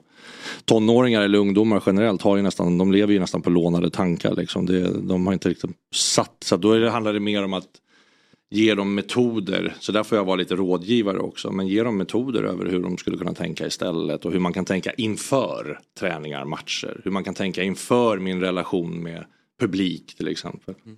Så äh, det, är- det är jättespännande. Du, förlåt, men du Mm. nämner ju det här stigmat. Jesper exemplifierar med Deli Ali. Det är ju att dra det långt såklart, inte det du, du pratar om. Men eh, vilken skada kan det göra för en karriär i dagsläget? Alltså, Hur stort är det här stigmat? Om man berättar att man har eh, man jobbar med sitt eh, med det mentala. Kan det göra att klubbar inte vill värva en? Har du sådana exempel liksom? Det skulle säkert kunna finnas det om det, om det var så att du sa att du eh, mår dåligt och deprimerad. Det beror lite på vad du använder för ord. Skulle jag säga. Allt handlar ju om kommunikation. Då säger man nej men jag har en mental coach för jag vill vara lika bra mentalt som jag är fysiskt. Ja, Men då är det helt avdramatiserat. Så um, jag skulle säga att det beror lite på hur du... eh, Och sen märker man ju det där. Är spelaren, missar spelaren ofta träningar? Liksom, finns det en dålig närvaro? Eh, är det, vad händer när spelaren gör ett misstag på plan? Dippar han? Blir han utbytt ofta? Alltså, jag skulle snarare säga att de grejerna är nog mer viktiga. Därför att fotbollsklubbarna har inte så bra koll just när det kommer till det mentala. Nej. Så det är svårt för en sportchef att, att göra den analysen om nu inte spelaren har pratat starka ord, att depression och den där saken. Då kanske man inte tar in dem. Liksom. Men det är väl å andra sidan rimligt. Alltså om man ska vara djävulens advokat. Vi säger att någon har mentala problem. Då är det väl att beteckna som en skada. Ja, jo. Och då ska man ju inte Jo. heller värva alltid, tänker jag. Nej, så, så kan det ju absolut vara. Men jag skulle säga att i många av fallen så, så, så är det liksom ingen, det ingen mental eh, disorder, ingen sjukdom eller någonting. Utan det, det är, jag brukar säga till mina klienter, det är inte dig det är fel på, det är dina tankar. Ja. Och det är så eh, i många, många, många fall. Men, men just den här delen, det är spännande att du tar upp det, just det här med kommunikation. Tycker ni att det är lätt att be om hjälp? Ja, man är dålig på att be om det. Mm. Det är man ju. Och, och då, varför är man det då? Jag vet inte. Man har väl någon stolthet i att man klarar allt själv. Så direkt när jag frågar nu så säger båda man har ju. Så då tar jag lite distans från mig själv direkt här. Man har ju svårt att be om hjälp. Men då är det så här, jag ska bara visa skillnaden. Det kan vara lite så här, fan jag har försökt, alltså jag, jag, jag, jag pallar inte mer, snälla kan inte du hjälpa mig? Eller, jag har kollat hur du gör, fan du är grym på det, kan inte du visa mig hur du gör? Jag ber om exakt samma sak här, men på två helt olika sätt. Och det är lite det här, eh, alltså hur kommunicerar vi? Hur ofta har man tränat i kommunikation då? Aldrig. Och ni har ju, det, det är ert första svar som kommer när jag ställer er en fråga. Varför är det svårt att be om hjälp? Eller är det svårt att be om hjälp? Då är det lite så här, ja men det här är svaret. Så det som kommer upp till er, det blir ert första svar. Och då är det så här, ja. Och det är det som sen låser in er i att det är svårt att be om hjälp. Skulle jag sen börja coacha er kring det här så skulle ni märka att fan vänta vi stretchar ju det här. Vänta, det, fan, oj, nej men det behöver inte vara så svårt. Men det är våran första, det vi checkar mot vårt undermedvetna som studsar tillbaka direkt. Det är det livet vi lever sen. Så, och det är så här man låser in sig själv till exempel. Ehm, och, och har man någon då som kan eh, se mönster och strukturer och sådär då kan man snabbt ändra det. Men, eh, vi pratade tidigare om agentvärlden. Mm. Det finns många ruttna ägg i den korgen. Man kan hamna fel som ung spelare. Någon som är mer pengadriven än som vill spelarens eh, väl och ve och sånt där. Så måste det väl vara inom coachingen också. Finns det inte en risk om man... Att, eh, bättre att jag inte söker upp en coach. för Tänk om jag hamnar fel. Tänk, alltså, det finns väl folk inom din bransch som inte har rätt Visst gör det så. A- absolut, absolut. Jag tror inte att de är lika många coacher som är ute efter att bara tjäna pengar. Alltså som har gått. För, alltså om du som mig då, metacoach som jag kallas. Eh, det finns inte speciellt många i Sverige. Vi, alltså vi, jag vet inte hur många års utbildning jag har gått för att få det här certifikatet. Liksom. Eh, så det, är- det är inte bara som det är med agent att du ska göra, ta ut ett polisregister, göra en anmälan, skaffa en försäkring. Sen är du agent. Nej. Nu tar de ju bort det men så har det ju varit. Här pratar du ändå om folk som som har jobbat många år och utbildat sig. Sen finns det de som gör en utbildning på en helg. Och tycker att de kan coacha folk. Jag får ju många av deras klienter. För de tar ju folk ner i mående så, som de inte kan ta ut dem ur. Liksom. Men Och en Nej. 15-åring har väl inte koll på de här licenserna och vem som har gått vilken utbildning heller. De ringer någon och säger Nej men det är inte dig. 15-åringen som hör av sig utan det är, föräldern som hör av sig direkt. Och det är klart att de, eh, det är ju tipset är, när det handlar om mental träning och mental coaching att verkligen, nummer ett, har coachen en coach? Har jag en coach? Ja det har jag. För har jag inte det då tror jag inte på coaching. Det är nummer ett. Och nummer två, titta på certifikat, eh, sekretess. Eh, vad har personen gått för utbildningar? Det skulle jag säga. Eh, det räcker inte med att gå liksom en helg och tro att man kan hjälpa människor. Nej. Det, Vad är din drivkraft i det här då som, som coach? Vad vill du... Ja, precis. Ja, precis. Lämna agent och bli Ja. coach för Nej, pengar. men vad, vad, vad får du kickar av i det här? Alltså det finaste som finns det är ju att se när en person kommer in och gör så här och lämnar så här 45-50 minuter senare. Ska man lämna? Ja, du menar ett sånt samtal. Men eh, liksom, känslan är att man har man påbörjat ett samarbete med dig och det börjar gå åt rätt håll. Mm, Man ska väl fortsätta? Ja, men jag gör inte en session bara. Nej. Nej. Utan det är ju paket om sex eller Ja. tio först och främst. Då. Det, det är fint. Sen utifrån all den här kunskapen som jag har nu så, så eh, är min stora drivkraft att, eh, att utbilda ledare. Hur, du mät, hur du når en människa så snabbt som möjligt, eh, kan hjälpa en människa utan så svåra verktyg. Jag har ju en massa, massa, massa verktyg eh, över hur du kan göra. Men de här basic sakerna, hur du får relation med en människa, hur du får en person att tycka att, de, att du förstår dem och så vidare. Hur, vilken typ av frågor du ska ställa. Det skulle jag vilja göra en ledarskapsutbildning. För där kan jag ju också påverka utifrån hur våra ungdomar kommer att må. Och hur man kan se på, eh, på ungdomar eller, eller eh, ledare. Så det är väl min, min liksom långsiktiga mål att med alla kunskaper som jag har bygga en ledarskapsutbildning som är jävligt kraftfull. Kan, kan du ge några exempel när du ser att det ger resultat med, med en klient? Ta Isak Hien. Han kan vi ta för det var så tydligt. Han, han, eh, alltså, om man bortser liksom från sportsliga liksom. Aha, okej. tydligt, men alltså mer eh, på personen och Hänger Och- ihop kanske? Ja såklart det är det men, Ja, men alltså, jag kan ju säga så här, det, det är lite svårt, det, det kan bli lite, lite så svårt att fatta om jag går in i detalj. Men, men om man tar en klient som jag satt med i eh, går. Som var på sin femte session. Han hade dödsångest, han, hade, han ä- hatade sitt jobb, han funderade på att lämna sin fru.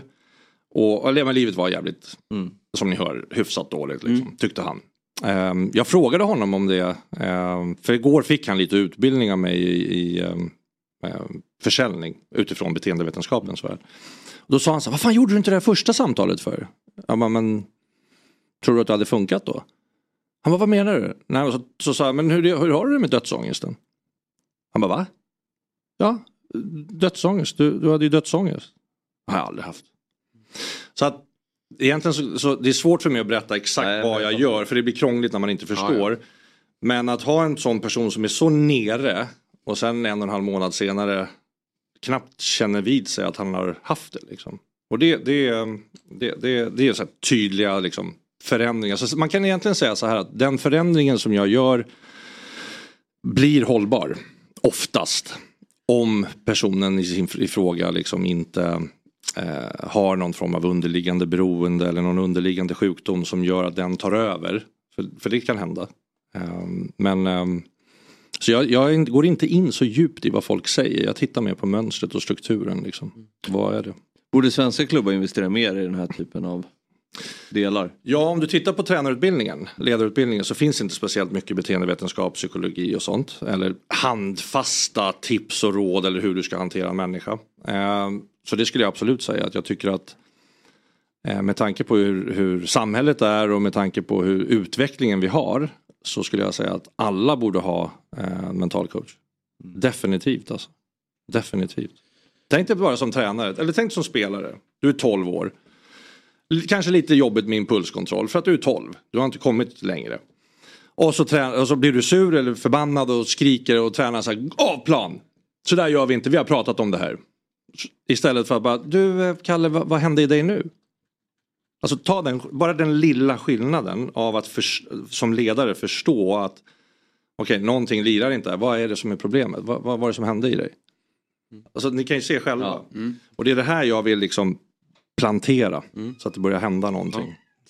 Du, det här var en oerhört intressant halvtimme. Mm. Det går fort eh, när man har roligt men det, när, när det är intressant också Mm. eh, för den delen.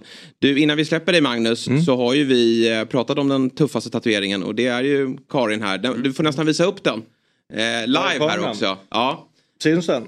ja, den är helt fantastisk. Den är här. Ja, och jag såg dig tillsammans med Karin så ni, ni är fortfarande still going strong. Är det här så här veckans grej? Är de ihop? Ja. Lite så. Ja, det är så. Nej, det, det är det inte men vi ville bara se den live. Vad skönt att höra att det Ja. Vi kör på. Ja, har ni gemensamt boende nu då? Nej. Nej, ni har inte det? Nej. Nej. Det kommer vi nog aldrig ha. lite kvar. Nej, Ja, precis. Ja. Mm. Men du Magnus, otroligt intressant att ha dig här. Ja. Eh, kul att lyssna och jag är rätt säker på att det finns många, vi vet att det är väldigt många fotbollsspelare som kollar på just det här. Mm. Och det är säkerligen många som, som kommer att höra av sig då för att få eh, coaching framåt helt enkelt. Mm. Ja, jag hoppas det. Fan, karriären ska ju vara... Mental PT tyckte jag var riktigt bra. Ja, jag tror att den, är, den kanske Mindre laddat. lite. Ja, lite så faktiskt. Eh, stort lycka till nu då med eh, allt du tar dig an och så får vi eh, ja, men följa upp tycker jag. Du får komma tillbaka och berätta lite eh, hur det har gått då i, Mm. I rollen som Kanske coach. ta med mig någon spelare då. Ja, det vill hade varit om- ruggigt intressant. Ruggigt intressant. Yes. Tack så jättemycket Magnus. Tack själva. Hej. Ha det så bra. Från eh, Magnus Hedman till Myggan ska vi nu eh, gå till. Då. Men innan vi gör det så tar vi en kortare reklampaus och så är vi tillbaka alldeles strax.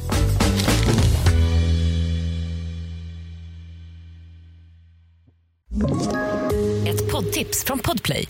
I podden Något Kaiko garanterar östgötarna Brutti och jag, Davva, dig en stor dos skratt. Där följer jag pladask för köttätandet igen. Man är lite som en jävla vampyr. Man har fått lite blodsmak och då måste man ha mer. Udda spaningar, fängslande anekdoter och en och annan arg rant.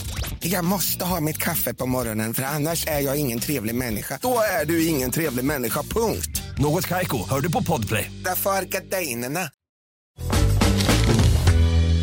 där är vi tillbaka. Fabbe med någon konstig övning här under de tio sekunderna. Vi var borta. Men framförallt då så har vi fått. Eh, ja, men vi fick förstärkning när Magnus klev in. Men vi toppar laget ytterligare då. När Sveriges bästa spelexpert Myggan. Ja, men kul att höra. Ja. Nu jäklar. Det kör vi.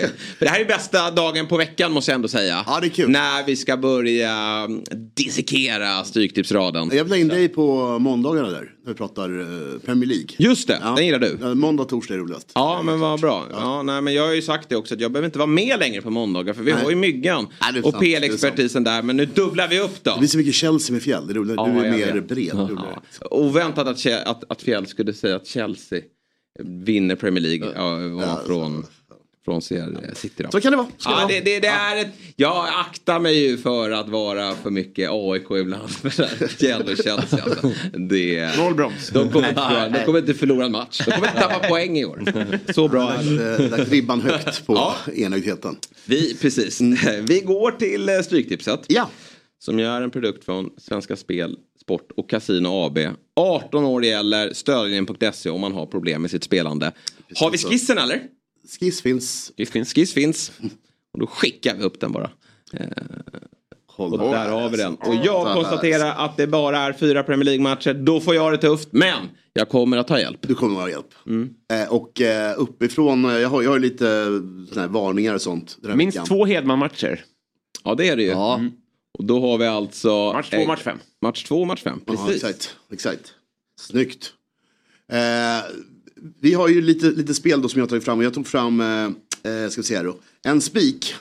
Match nummer 13. Mm. West Bromwich. Så är det att det, det börjar gå bättre och bättre. Och eh, det är en rolig spik. Det är ju 13 miljoner jackpot den här veckan. Så vi kommer behöva lite mer crazy. Det här kanske är lite för tråkig rad. Vi ska Ja. vara sådär liksom. Men vi tittar på oddsen så, så jobbar vi in våra andelar sen, du och jag Jesper. Men eh, West Bromwich tror jag på, de går så tåget. Sen har mitt drag, Plymouth, eh, match nummer 10. Blackburn vann 8-0 igår i kuppen.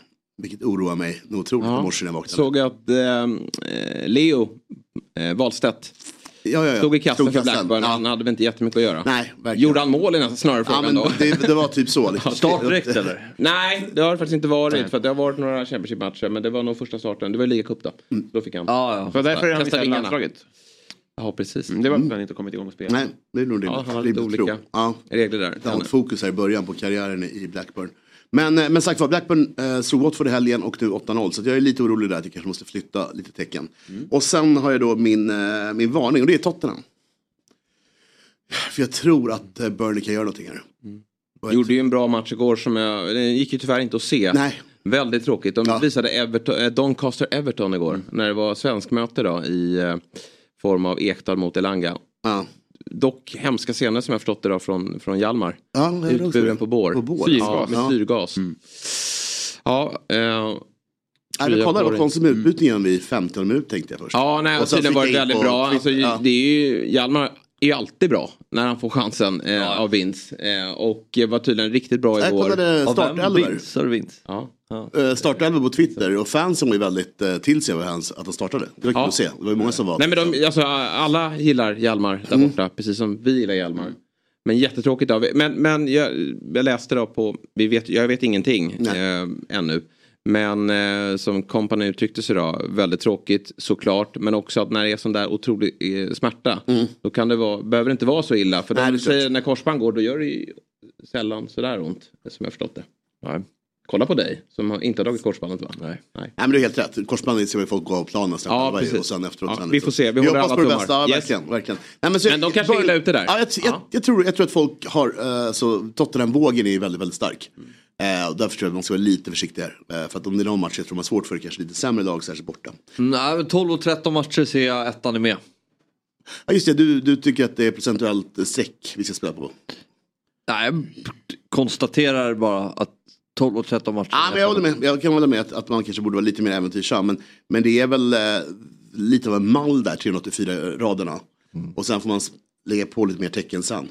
Ja, ja så Vi är det ju. svårt- Och jag menar herregud, man, man tillskansar sig information hela vägen till 15, eh, 15 Ja men precis, jag tycker ändå att jag har med, jag har med både Newcastle och eh, krysset i Forest och hela Burnley-Tottenham. Så jag tycker inte att det har gått så, där kunde jag gjort det ganska enkelt för mig själv. ju. Ja, ja, så ver, ver, verkligen. Det hade du kunnat göra. Ska balansen på bilden styra eller är det Ja. liksom oddsen? Va? Får vi tänka lite så också. Det kan lite så. Tänker inte så också. Ja, jo, jo. Nej, men jag, nu jag jag tror att, väl Sveriges bästa spelexpert. Lägga ut texten. men du har, du har en intressant tes, många tänker så väldigt mycket att man kan liksom tänka ut att det ska vara minst x antal två med. Samma sak med garderingarna ser man ofta att folk har inte råd längre ner. Man går ut hårt med garderingarna. Sen kommer match 10 till 13, då måste man singla. Man blandar ihop det med tipspromenad. För då är det så här, nu är det dags för en tvåa. Verkligen. Match sju. Det måste vara en tvåa, även om Leicester leder ligan. Ja, jag känner Karin, hon ska aldrig sätta sju sju ettor i rad. Så, nej, så att, eh, nej, det, det är inte samma sak Fabian. Nej. Gör de ju rätt. Mm, de ju Du, rätt. eh, annars tänker jag, jag kommer nog vara på jakten efter Nottingham Forest här igen. Jag var ju det förra veckan. Jag, jag satt ju på helgarderingen.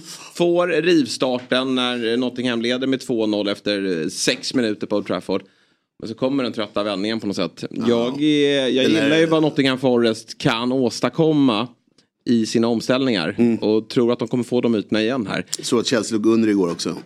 Exakt, och har en del skadeproblem. Colwill klev av. Eh, Ska det nog inte vara någon fara. Men jag kanske Nej, men jag, jag, dig. målar jag hör på dig. där. Jag målar på ordentligt där. Ja. Som sagt var, match 1, 2, 3 tror jag man mår rätt bra. Man kan måla på så mycket man bara kan. Jag tror det kan, kan gå lite hur som helst. Match 1 är ju en riktig höjdare. Det är riktigt höjdare, men jag tror, jag tror att eh, Newcastle har ju typ inte torskat mot Brighton. Nej. Så jag. jag vet inte hur, hur mycket det spelar roll, men det är intressant stats. Och om inte Newcastle vinner nu, det är ett tufft uppehåll. Med så få poäng. Mm. Hyfsat nyförvärv. Hur bra har spelat. Hyfsat nyförvärv till Brighton också. Ansu Fati. Mm. Ja, verkligen. Vilken häftig värvning. Eller lån, ska ju sägas att det är. Mm. Utan option. Och var på Men- väg till Tottenham först. Mm. Vilket kändes eh, farligt. Ja, det är ju coolt att det är på den nivån nu. Att de vill jobba, spelarna vill ju verkligen jobba med De Serbi. Det är Ja. därför han går dit. Det är ju ett ganska stort steg ner från Barcelona till Brighton. Han har haft visserligen mycket skadeproblem. Ja, just nu är det typ inte så jävla stort steg, så jävla kassa Barcelona är nu. Ja, men du förstår ändå att det Ja, finns jo, en ja. viss skillnad mellan klubbarna ändå. Det- absolut. Det finns en klubb som har vunnit lite mer och en som har vunnit mindre. Va? Så att du har den också. Den Ja ekvationen. men det var intressant. Sen tycker jag också det var kul med, eller kul, det var konstigt med den här Carlton, vet han, eh, Palmer till Chelsea. Just det, tycker Cole jag Palmer sticker till coolt eh, Chelsea och, och 40 då vet mil. jag att Fjäll alltid tyckt att han har varit bäst Ja, i världen. klart. Ja, ja, det är klart. Är det någon spelare som får han plocka så är det Cole Palmer. Jag kollar lite närmare på Champions League-matchen. ja exakt. Specialstuderad. Ja. Han är väldigt bra på att låsa sig in sig på en match. Ja. Gör han, en så, alltså, han skapar sig en helhetsbild efter en insats. Gärna ett så här luddigt sms från en gammal spelare, vem då? Är spelare. Ja, exakt. Jag pratade med. ja, nej men eh, det här är en bra första skiss. Men det kan ju såklart komma att förändras. Man kan ju rygga spelet. Jag kommer också skicka ut Precis så. ett andelsspel och där är målet att, att tvåla myggan. Men det är tufft, det är inte lätt. Nej. Men vi båda går för 13 såklart. Eh, Dobb.one snedstreck stryktipset gäller då om man vill in och köpa andelsspel. Eh, QR-kod finns här också då för den som är tekniskt lagd. Nej men verkligen. Nej, men det, det, Q-koden? Funkar här. Du inte kommer rygga då, eftersom du, är, du vill ha fler tvåor. Ja precis. Ska jag säga vad, vad man igen ser i Myggan, vilket, vilket proffs han är? Utöver att han inte går på Ja. Vet Den är med. tipspromenad-fällan här. Vad han heller inte är fällan att man ska eh, lägga mycket streck i de lägre divisionerna. Nej. Att det är mer i, i eh, Premier League än i Championship. Då vet man att det är proffs att göra. Ja, ja, men det gillar jag. Tack så Ja, jättemycket. bra. För han vet hur det ska gå i Champions League. så Varför sitta och, varför sitta och måla på där? Det är så många man inte riktigt, man har bara liksom fyllt i. Ja. Och så bara, men Premier League tror man har koll på. Mm. Championships bara, men Plymouth har jag aldrig hört. Nej. Jag. Det, har varit, det har varit lurigt i Premier League också så jag tycker verkligen vi ska sträcka på det. Men följ spelen, det kommer upp lite mer spel. Sen kommer Sabri och eh, Jesper spela upp också på andelsplattformen. Jajamän, vi har ju ett eh, lördagsprogram.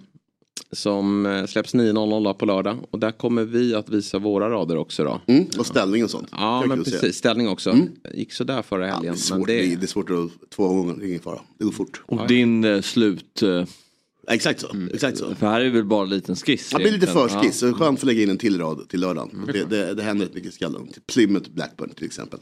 Men sagt var, 13 mil i jackpot. Kul vecka. Verkligen så. Eh, tack så mycket Myggan för det. Tack själva.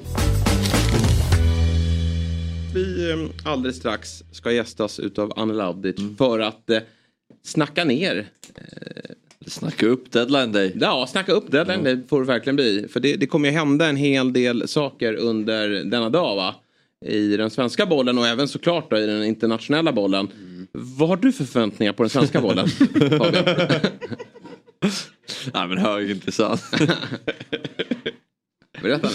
Nej men det är väl no- Du hade ju snöat in dig på en Häcken-värvning här. Nej men eh, Edward Chilufya verkar ju vara nära Häcken. Ja. Ehm, något som väl Anel avslöjade Mm. i, igår.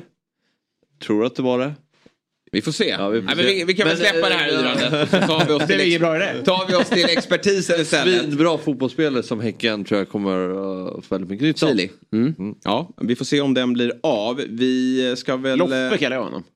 Loffe? Mm. Ja, Istället för Chili. Ja, snyggt. Ja. Du tar andra delen av Ja. efternamnet. Och gör någonting av det. Precis. Bra, för nu har vi fått expertis i studion. Vår eh, allas eh, silly-kung och dobbfavorit Anne Lavdic. Kul att vara här. Eh, jag har fan saknat er måste jag säga. detsamma. det var länge sedan. Eh, men härligt att vara här och snacka lite silly. Ja, är det första gången du är på plats i studion? För vi oftast har vi med dig på länk i Fotbollsmorgon. Ja, jag också. tror det är första gången jag är här eh, på plats här faktiskt. Det har varit på länk eh, alla andra gånger. Du, för mig. det här, är det här din viktigaste arbetsdag på året? Ja men det blir väl nästan det. Eh, I alla fall alltså dagen innan deadline och eh, deadline då. Mm. då. Då brukar man vara liksom, alltså man är alltid påkopplad och får alltid vara redo men idag är det väl liksom så här, uh, idag är man extra jobbig eh, mot alla. Så att eh, jag tror nog att det kan eh, hända en del. Däremot tror jag kanske inte att vi kommer få se de här superbomberna. Eh, utan eh, typ dagens största snackis skulle jag säga är AIK. Vad de kommer att, hur ersätter man Billy? Eh, Bilal Hussein för den breda publiken. Eh, så att det är väl någonting man får hålla koll på. Eh, vi, ni pratade om Häcken hörde jag. De kommer ju också, de, de kommer vara ganska aktiva också. Så det är väl Irandost, Chilufya. Just det. Eh, Oso kommer väl presenteras också på lån. Annars är det väl, ja det, är- det är väl de tre då tror jag. Ja. Framförallt. Eh, vi börjar där med AIK då. Bilal Hussein såldes igår till eh, Hertha Berlin. Eh, vilket inte blev någon jättestor prislapp. Eller bra prislapp sett till att det är ett utgående kontrakt då.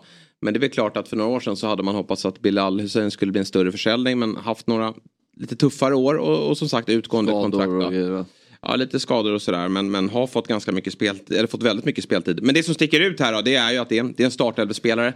Thomas Berntsen, sportchef i AIK, är väldigt tydlig med igår att han är lite besviken på att de var tvungna att släppa Bilal. Men att han verkligen ville gå. Och att för en egenfostrad spelare så, så vill man inte stå i vägen när ett, ett storlag kliver in. Även om herr Tabellin har det väldigt tufft i Zweite. Ja verkligen. Nej, men så, så som jag fattar det så, så är det liksom att AIK har inte kunnat göra så himla mycket här egentligen. Utan det eh, vad jag har hört så, så har Bilal haft den här utköpsklausulen som Hertha då har valt att aktivera. Och den är ju på 8 miljoner kronor. Nu har ju AIK presenterat att su- nettosumman blir mellan 2 och 5. Men även om utköpsklausulen är 8 så kan man fortfarande betala en lägre summa och sen ge andra i bonusar. Så att hur man än vänder och vrider på det så blir det väl runt 8 miljoner totalt sett för, för, för AIKs del. Och det är väl en sits som eh, AIK har tvingats att finna sig i någonstans här eh, sista dagarna. Jag tror att hade Berntsen inte haft den här utköpsklausulen då hade han sagt blankt nej till, eh, till alla bud på Bilal och hellre släppt honom gratis i, i, liksom i vinter. För så har han gjort egentligen med Otieno som har haft två eller tre bud på sig he, hela, hela sommaren. Jag vet att Sotte har haft utländska förfrågningar på sig. Omar Faraj har också haft det. Och det har varit, liksom, det har varit blank nej till alla de här spelarna som på, på något sätt är bärande i A-laget. Eh, det är ju samma sak där med till exempel en spelare som Samuel Brolin. Han är ju andra keeper. Har ett utgående kontrakt men Berntsen har sagt att vi kommer inte sälja honom. Och då, då, då vet vi om risken att han kan gå gratis i vinter. För att han vill ha bästa lag. Men med Bilal så har man tyvärr inte kunnat göra någonting åt det. Nej. Så att då blir det väl en eh, efterlängtad flytt då för, för eh, Bilals del. Som Kommer AIK plocka in en ersättare eller? Ja det kommer man göra. de Man, äh, man kommer ersätta honom på ett eller annat sätt. Antingen att man eh, redan nu tänker att Besidovic kan spela central mittfältare och att man plockar upp någon eller att man tar in någon spelare som kan kanske vara mer en ytter eller tia. Eller att man bara plockar in en rak eh, central mittfältare. Men ersättare kommer man att värva. Eh, så att eh, jag, jag hade blivit extremt förvånad om det inte dimper in någonting här under, under deadline day. Mm. Det har pratats om Samuel Lidsholm där man fått lite känslan av att, vilket man förstår, att BP kanske inte är jättesugna på att släppa honom med tanke på att de faktiskt också är indragna i den här eh, tuffa bottenstriden. Vad, vad tror du om Samuel Lidsholm och hans framtid? Jag tror att han blir kvar i BP. Jag, jag vet att AIK har eh, visat ett starkt intresse men att eh, det sista jag hörde, det kan ju såklart ändras under den här dagen och till, till, och- till och med när vi sitter här och pratar om det nu. Men det sista jag hörde var att, var att BP inte kommer vilja släppa honom. Och det är väl liksom med den enkla, eh, av, av, av de enkla skälen att han är så pass viktig, man kanske inte har fått in en ersättare men också att så här, hade de haft 5, 6, 7 poäng till i tabellen då hade man nog kunnat liksom sälja honom. Nu är man fortfarande så här att torskar man två raka här nu eller tre raka då är man fortfarande indragna i, i liksom kval, kvalstriden. Och eh, man har ju tidigare nobbat bud på Oskar Pettersson från Norrköping och liksom hela vintern och sommaren så att de står emot här eh, på sina allra viktigaste spelare.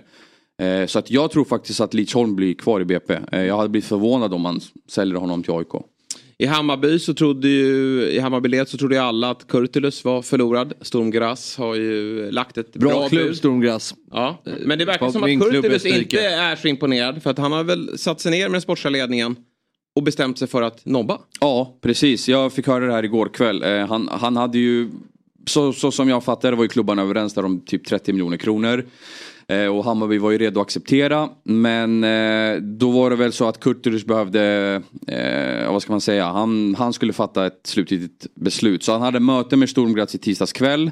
Och sen har han funderat hela onsdagen och som vi skrev igår då så eh, talar ju allt för att han tackar nej till Sturm Och det är av de, den, den enkla anledningen att han inte är övertygad om att det är rätt steg för honom. Jag, om, om, om jag får spekulera lite utan att jag har pratat med spelaren själv så tror jag nog att han har förväntat sig en topp 5-liga och inte ser sig själv i Österrike. Eh, men eh, Sturm Graz, precis som du säger Fabbe, det är en bra klubb. De spelar i Europa varje säsong. Eh, Rasmus Höjlund var där en gång i tiden innan han plockades upp av Atalanta. Så det är en bra, plan, det är, det är en bra liksom, plantskola om man ja, säger så. Det var ju typ bara ett år sedan han var där. Det är Ja. sjukt. Ett och ett halvt. Två max. Ja.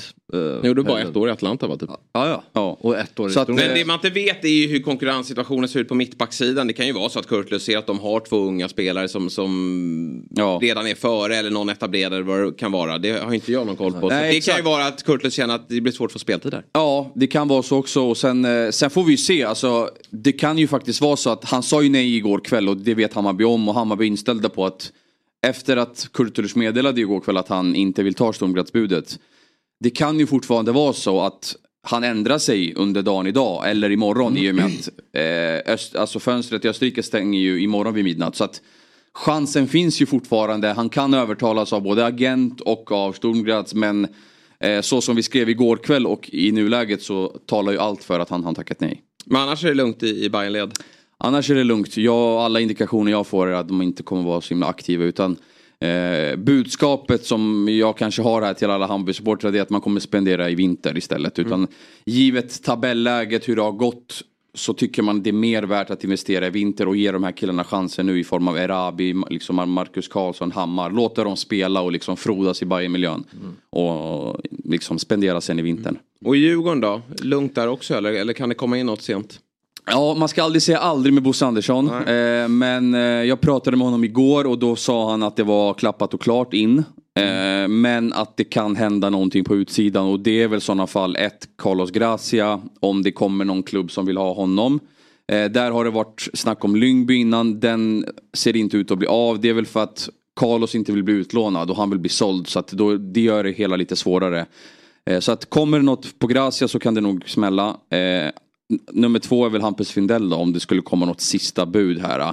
Bosse sa igår att de aldrig har haft något konkret på bordet på Hampus eh, liksom hela sommarfönstret. Märkligt. Eh, Ja, det har väl... eh, Sett till att, ja, kanske han var väl som bäst i fjol då, men, men det är ju ganska många bra Ja, verkligen. säsonger nu för, för Hampus del. Vad skulle du vilja få in? Djurgården? Ja. Nej, ingenting. Är det så? Ja, Mm. Nej, det behövs känslan i både Hammarby och Djurgården att det inte... Det väl ge, kanske ge gubbarna chansen Ja, det är här under hösten och sen Ja. Det är, väl rusta en, igen. det är väl en ung ytter. Jag tycker Djurgården som, för framtiden i sådana fall. Men det är ingen brådska med det. Nej, jag vet. Eh, men liksom en Mm. ung ytter med tanke på det. Påläggskalv. Ja, eller nej, har det någon som ska gå in direkt? Jaha, ja. Alltså, Inskolningshöst. ja, exakt. Men jag har ju Felix Svahd där så att han kanske Ja, får men han lite är inte så speltid. ung. Liksom. Det, Ja. jag vet inte. Nej. Inte just nu i alla fall. Nej. IFK Göteborg då, de Mm. har ju varit aktiva eh, såklart, precis som AIK har varit. Och där verkar det- de tog in eh, David Perez igår va? Precis. Från eh, Atalanta, tidigare Ja. BP. Där är Ola Larsson-kopplingen. Men Ola Larsson öppnade ju för att det kan dyka upp fler värvningar idag också. Ja, och jag hörde ju där att de eh, har tittat på marknaden efter en åtta. Sen vet inte jag riktigt vad det innebär. Jag tror det ska vara en Profilen är väl i sådana fall ung och utvecklingsbar och inte liksom 29-30 år gammal och kommer in och belastar truppen. Alla, men liksom Gustav Svensson, Sebastian Eriksson skiktet. Utan gärna någon yngre förmåga.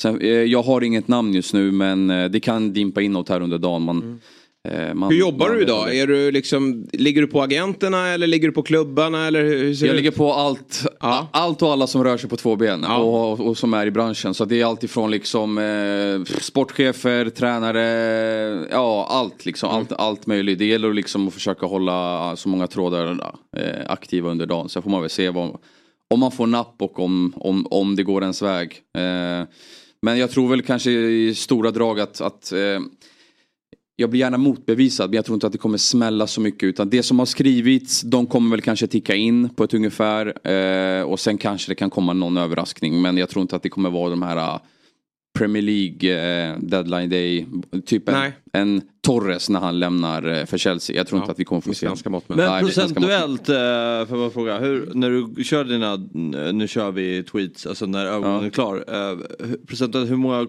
gånger kom, eller hur ofta kommer det från sportchefen eller några klubbrepresentanter och hur ofta är det från agenthåll? Ja, men kan man svara på den frågan som... eh, Om du vill. Ja, jag tänker på källskydd och sånt Mm. där. Nej, men Ja. det är väl... Det är väl eh, rätt blandat. Alltså, det är väl eh, 50-50. Nej, det är det inte.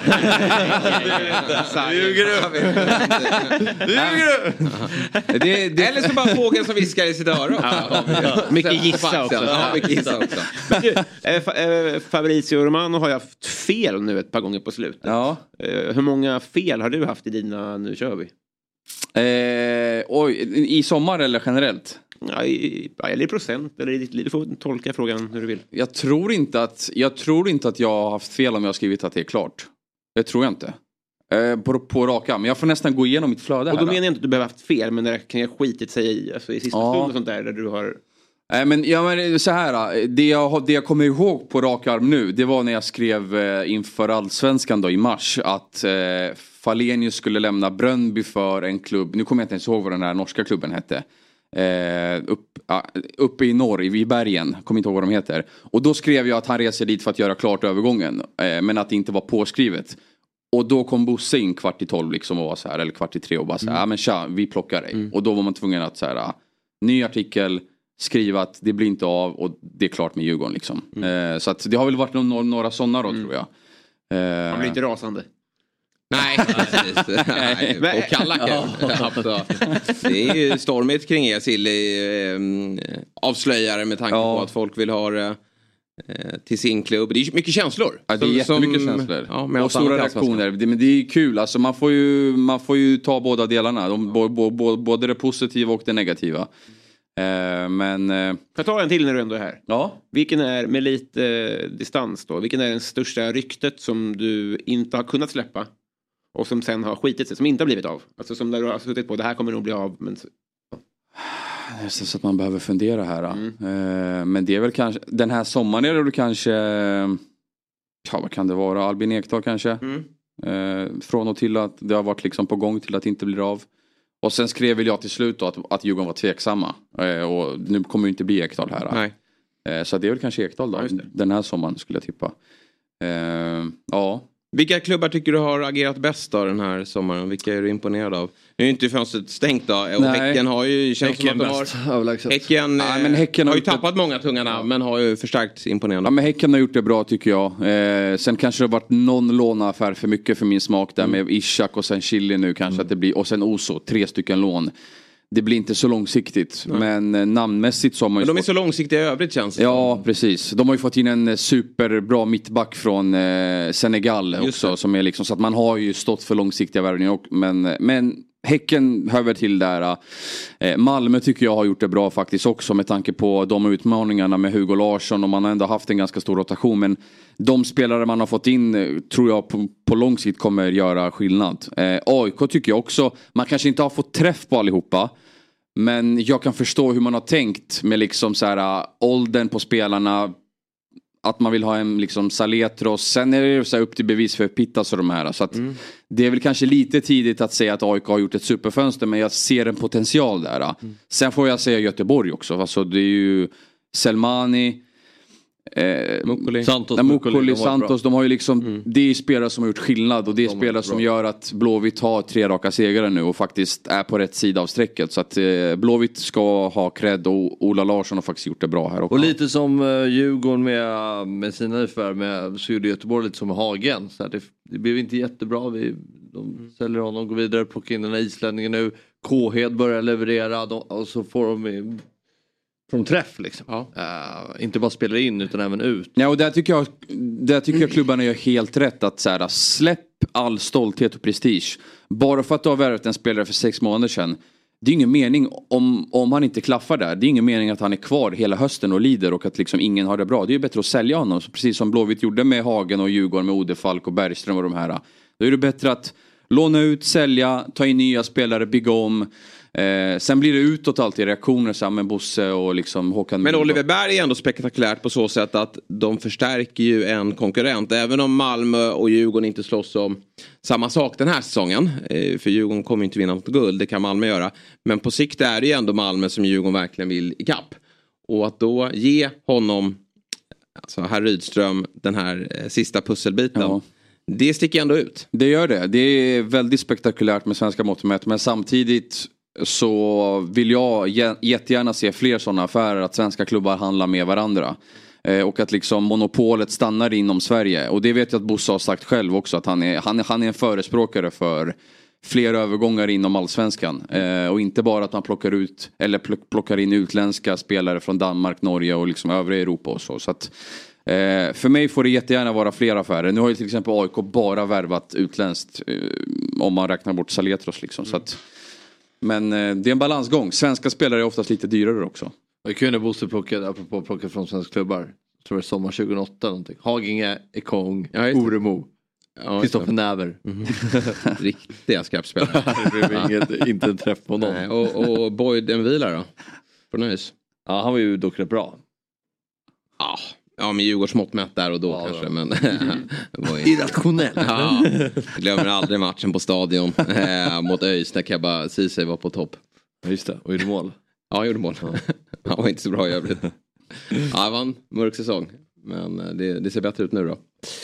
Du, vilka har agerat sämst då? Det får väl ändå, Varberg får väl vara med där. Men de känns som att de har skickat in handduken. Ja men Varberg eh, har ju liksom sålt allt man, allt man kan sälja för att liksom få in lite pengar där. Eh, så att ja det är väl det är klart att sen hade man väl kanske haft lite större förväntningar på på Hammarby då kanske in Mm. framförallt. Även om man, jag tycker väl att de har varit tydliga hela våren och inför sommarfönstret att vi kommer inte spendera så mycket.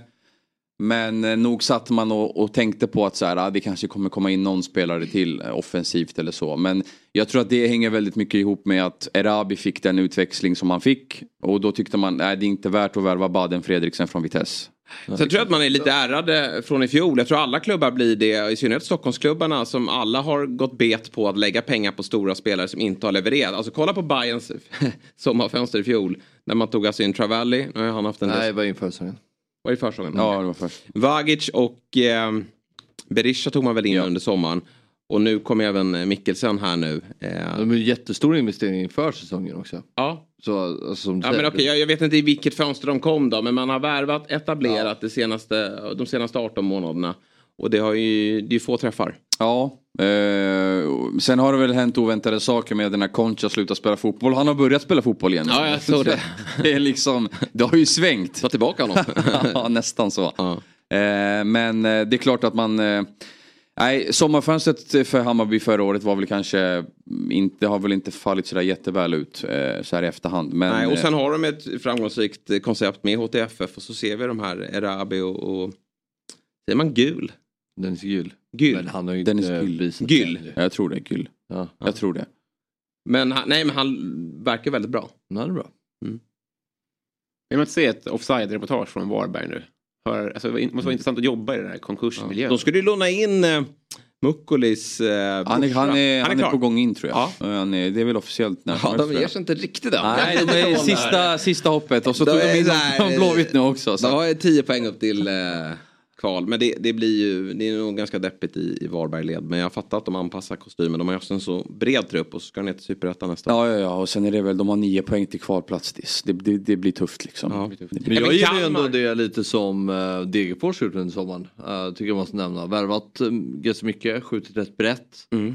Men ger ett försök ändå. Uh, sen får man se hur det kommer, ja, vad resultatet kommer bli. Men de har ändå Mm. De har försökt, de har inte gett upp. Ja, jag kanske hade förväntat mig, apropå Kalmar, då, att de skulle Ja, ersätta Rajovic. Rajovic. Som jag tycker är, den övergången kanske är sommarens mest oväntade. Eh, till Watford. Watford är en bra klubb. De Ja, har ju ja, ja. ambitioner om att studsa Ja men femårskontrakt. Ja, det var och, det. Jag tror det. Eller han uh, spelar i alla fall. Alltså, hur ser den scoutingen ut? Med all respekt, men det var ju några mål där under våren och han såg bra ut med allsvenska mått mätt. Ja. Sen går, börjar han ju gå ner sig. Och, och nu är han i, i Championship som är en tuff liga. Ja, sju mål tror jag han, han gör och ett Ja. i Conference League-kvalet eller två där. Eller, ja, så att, nej, men den är väldigt oväntad och det är ju att de får 16 miljoner för honom är ju bara, det är ju, perf- det är ju in. jättebra. Ja. Men det är det de har liksom jagat, att få, få till den där. De, Ja. Det har ju alltid varit så här med Kalmar att de har inte lyckats få betalt för sina spelare. Utgående kontrakt och lån och hej och som många har i de lägre regionerna av tabellen. Men där fick de ju äntligen en, en försäljning. Så att, eh, vilken- stor glädje i Kalmarled. Men vilken vecka för Kalmar. De säljer anfallaren eh, i rekordsumma och eh, matchen efter så Ja. gör Hymmet två, ersättaren. Mm. Alltså. Faktiskt, och vinner. För det Klassiska ersättaren finns i truppen. Ja, det är så här. den spyr man ju på men där, där fick de ju verkligen träff alltså. Det är verkligen, det finns vatten i kran. Ja. När morsan man vill ha något gott. Och så sa mamma att det fanns vatten i kran. Då blir man ledsen. Den, gick, gick inte den varm i AIK för något år sedan? Kämpig vinkel. Ja. Eller körde du den? Nej, det kändes äckligt. Ja, verkligen. Ja. Eh, bästa värvningen då? Ja, den är svår alltså. Jag tycker att det har varit många bra värvningar men... Eh, jag har två. Du har två. Jag tror på sikt att... Eh, nu, nu blir det väldigt mycket på uppstuds såklart. Mm. Eh, jag har inte förberett mig här. Men eh, Saletros tror jag på sikt kommer vara en skitbra värvning. Och är väl det redan nu? Och, och har varit, eh, ja, har varit alltså, grym redan under sommaren här och tidig höst. Och sen kanske att mm, ja, man får ge, eh, man får väl hylla eh, Malmö för, alltså jag tror att Lasse Berg Jonsson kommer vara skitbra också på Mm. sikt. Eh, så att det väl kanske de två då. Lajoni? Ja, mm, bra, bra förslag. Mm. Vad vad säger du då Fabbe? Vad, vad har du sett för tendenser? Som nyförvärven? Samuel Dahl har varit Samuel bra Dahl har varit riktigt bra. Eh, Men eh, ja, men det är någon Häcken gubbe där. Okej. Ristich kanske. Ja. Bra start där. Stora pengar men Där. leverans direkt. Kommer bli bra. Oliver ja. Mm. Absolut. Även om Ja, Mar- Oliver tycker jag... Marcus Berg är som ett nyförvärv också nästan. Ja, På nytt född. Kanske Astrid Selmine på...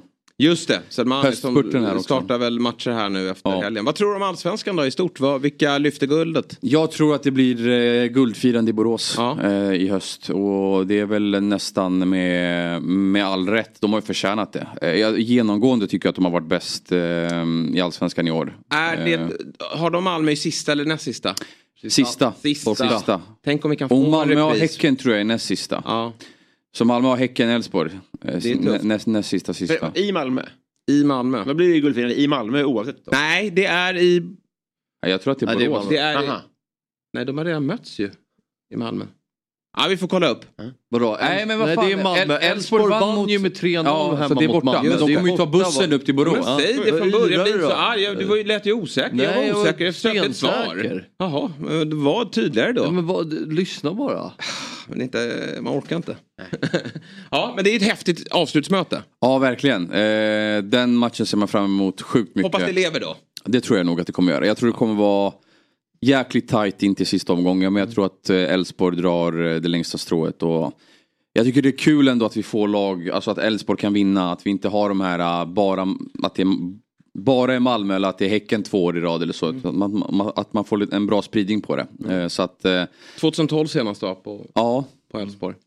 Nej men de har ju också... Dubbla gånger guldfirande i Borås. 2013 vann Malmö säkert guldet på. Borås Arena. Gische. Gische. Gjorde de hösten ibland det sjukaste man sett av en allsvensk fotbollsspelare. Av Ja. Molins. Han var Herregud vad bra han var den hösten.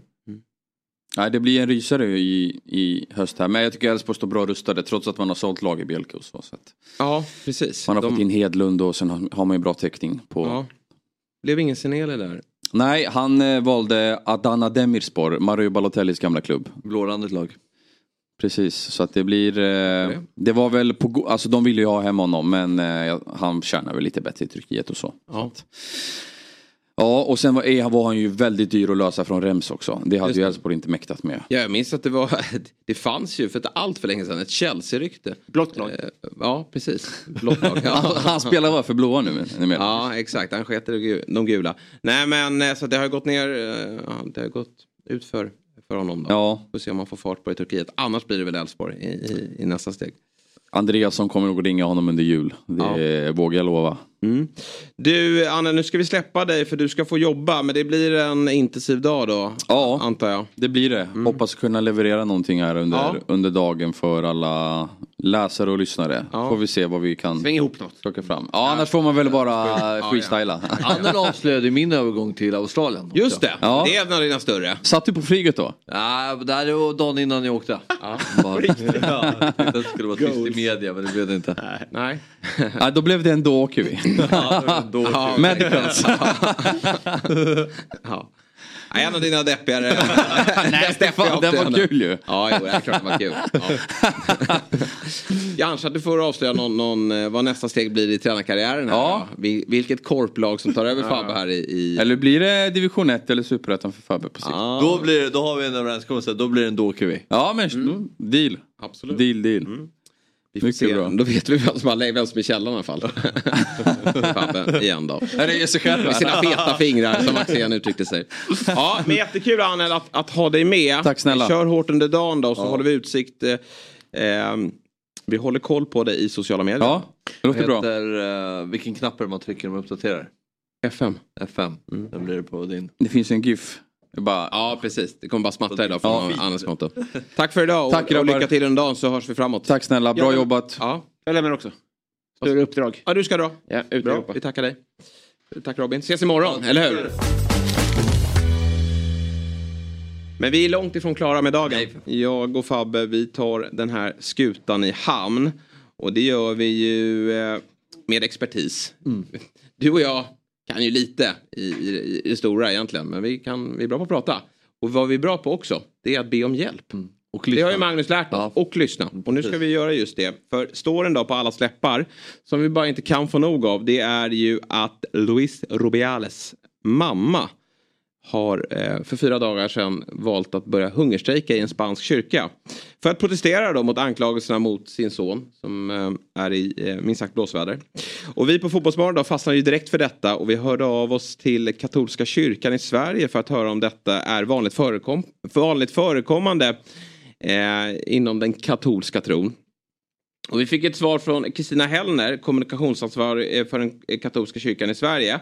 Svaret på din första fråga är nej. Att Rubiales mor hungerstrejkar i en kyrka för att få folk för att folk reagerar mot hennes sons omdömeslösa beteende har inget med katolicism att göra utan ett personligt val som hon har gjort. Kanske ger själva kyrkolokalen henne tröst och trygghet. Men det finns inget i den katolska tron eller katolicismen i sig som stödjer att man ska få bete sig som Rubiales gjort mot eh, Jennifer Hermoso. Hur svenska, kyrkan hade rea- hur svenska kyrkan hade reagerat om Fredrik Reinfeldt hade betett sig på motsvarande sätt mot en svensk fotbollskvinna och hans mamma eh, och hans mamma hade låst in sig i en kyrka kan vi från den katolska kyrkan inte svara på utan det måste ni fråga en representant från den svenska kyrkan helt enkelt. Så eh, vad vi gör då det är att vi inte ringer upp kyrkan utan vi ringer ju upp mannen som kan allt eh, när det kommer till kroppen. För vi är väldigt nyfikna på vad, hur farligt en hungerstrejk är. Nu vet vi att hon har avbrutit den då efter fyra dagar. Och eh, vi undrar ju såklart Åt hon då- ingenting då? Jag, det, jag vet inte, men det sägs att hon inte gjorde det. Men vi vill ha svar på vad som händer med kroppen när man kliver ut i hungerstrejk. Och vad gör vi då? Jo, vi ringer upp vår husläkare. Max Bell, god morgon och varmt välkommen till Fotbollsmorgon. God morgon. Tack för att ni ringer mig i detta angelägna ämne. Det är kul att, det är kul att sätta dig på pottkanten. Skohorning. Jag Ja. är på pottkanten. Är du inte det? stol. Fan också. Nej, Ja. abs- nej alltså, jag kan ju väldigt mycket om svält faktiskt. Jag vet det. Eh, Men däremot känns det som att det kanske är rekord i att skohorna in mig. Det tycker jag. Mm, Vi kanske. pratade, vad händer om man svälter? Nej, men så här, eh, jag eh, vill först säga att eh, Rubiales, hans morsa, kan ju bara... Alltså, sitt ner liksom. Ja. Jag tycker, jag tycker det är gulligt med den här mammakärleken, men den här blir en lite tycker jag, missriktad. Mm. Skulle ni inte istället revertera tillbaka till någon slags så här, har inte jag uppfostrat dig bättre min son än att tvångshångla upp en nybliven världsmästarinna? Tänker jag. Verkligen Istället för så. att bara, ni är elaka mot min lille pöjk. Klart han ska få behålla jobbet. Ja. Ja, han, han tycker om sitt jobb jättemycket faktiskt. Mm. Precis. Eh, nej men okej, eh, just det. Hon, har- men hon, sen med sig nu efter tre dagar, visst är det korrekt? Alltså, hon har avbrutit hungerstrejk. Ja, ja. hon blev hungrig helt enkelt. Hur länge har hon varit hungrig tror du?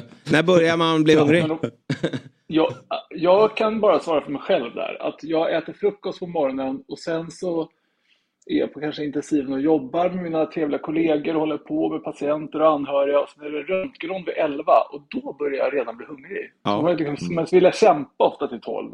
Jag kan Men tycka att frukost... Så att jag blir hungrig Ja. direkt.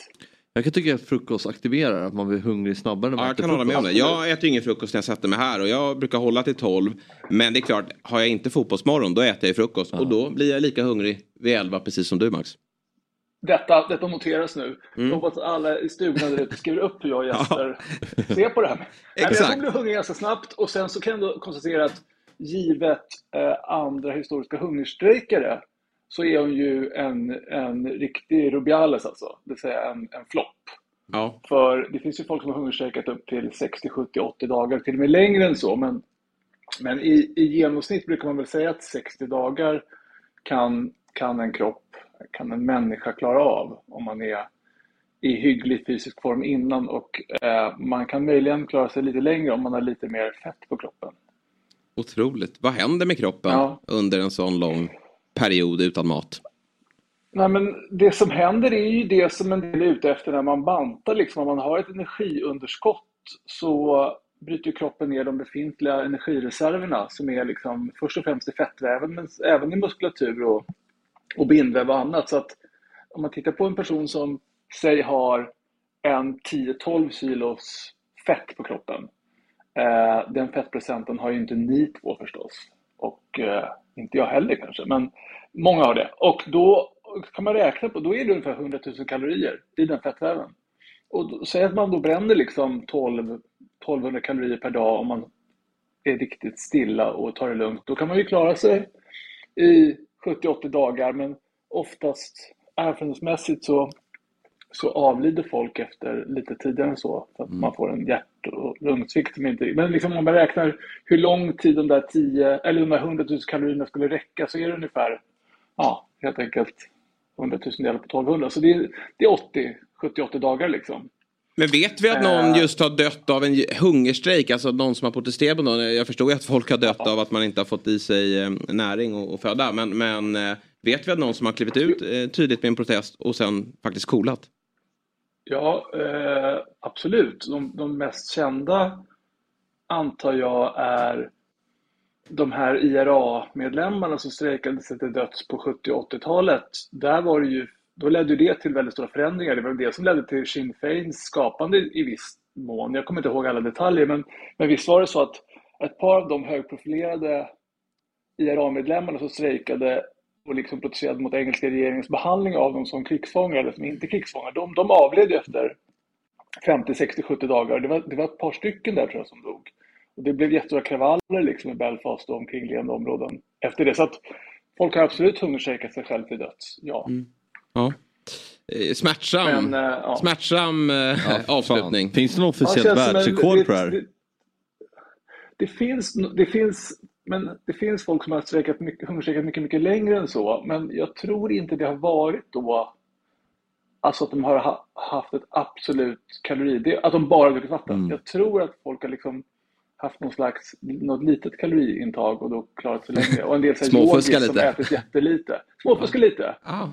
Natta i sina litet gött. ja, verkligen. Jag tänker- När ingen Men- ser. Den här frågan kom ju upp, den här frågan kom ju upp, jag, jag minns inte om jag var med då, om ni skonade in mig en annan gång, men det är ju så att när vi har, Det när vi har, vara nej, men när vi har våra, våra muslimska bröder och systrar som fastar, Just det, är just ju- det. det är en issue.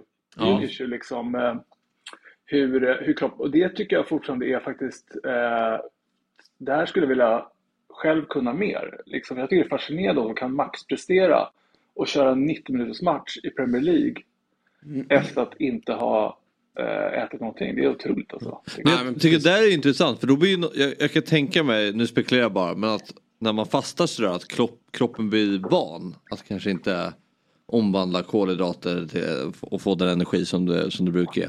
Är det något farligt när man till exempel fastar att liksom, sen när man ska gå på det igen med vanlig kosthållning att det kan bli far, alltså att det är svårt för kroppen att hantera det? Ja, eh, det korta svaret är ja. Alltså på, inom intensivvården och även inom andra medicinska discipliner pratar vi om något som heter refeeding syndrome som faktiskt kan uppstå när man har varit i ett fasteläge eller ett katabolt läge under lång tid. Så kroppen har varit liksom i ett katabolt läge och brutit Ja. ner sina, sina reserver. Eller på diet Och till exempel. då, på det, eh, det, finns, det finns en del farliga tillstånd som är förknippat med att om man sen går över till ett anabolt läge, om man inte håller koll på patientens eh, eh, elektrolyter eh, och spårämnen så kan det faktiskt vara farligt för, för, för människan. Så att inom intensivvården och även inom annan form av lång så här, sjukhusvård så måste man hålla koll på det när man börjar liksom gå från katabolism till anabolism.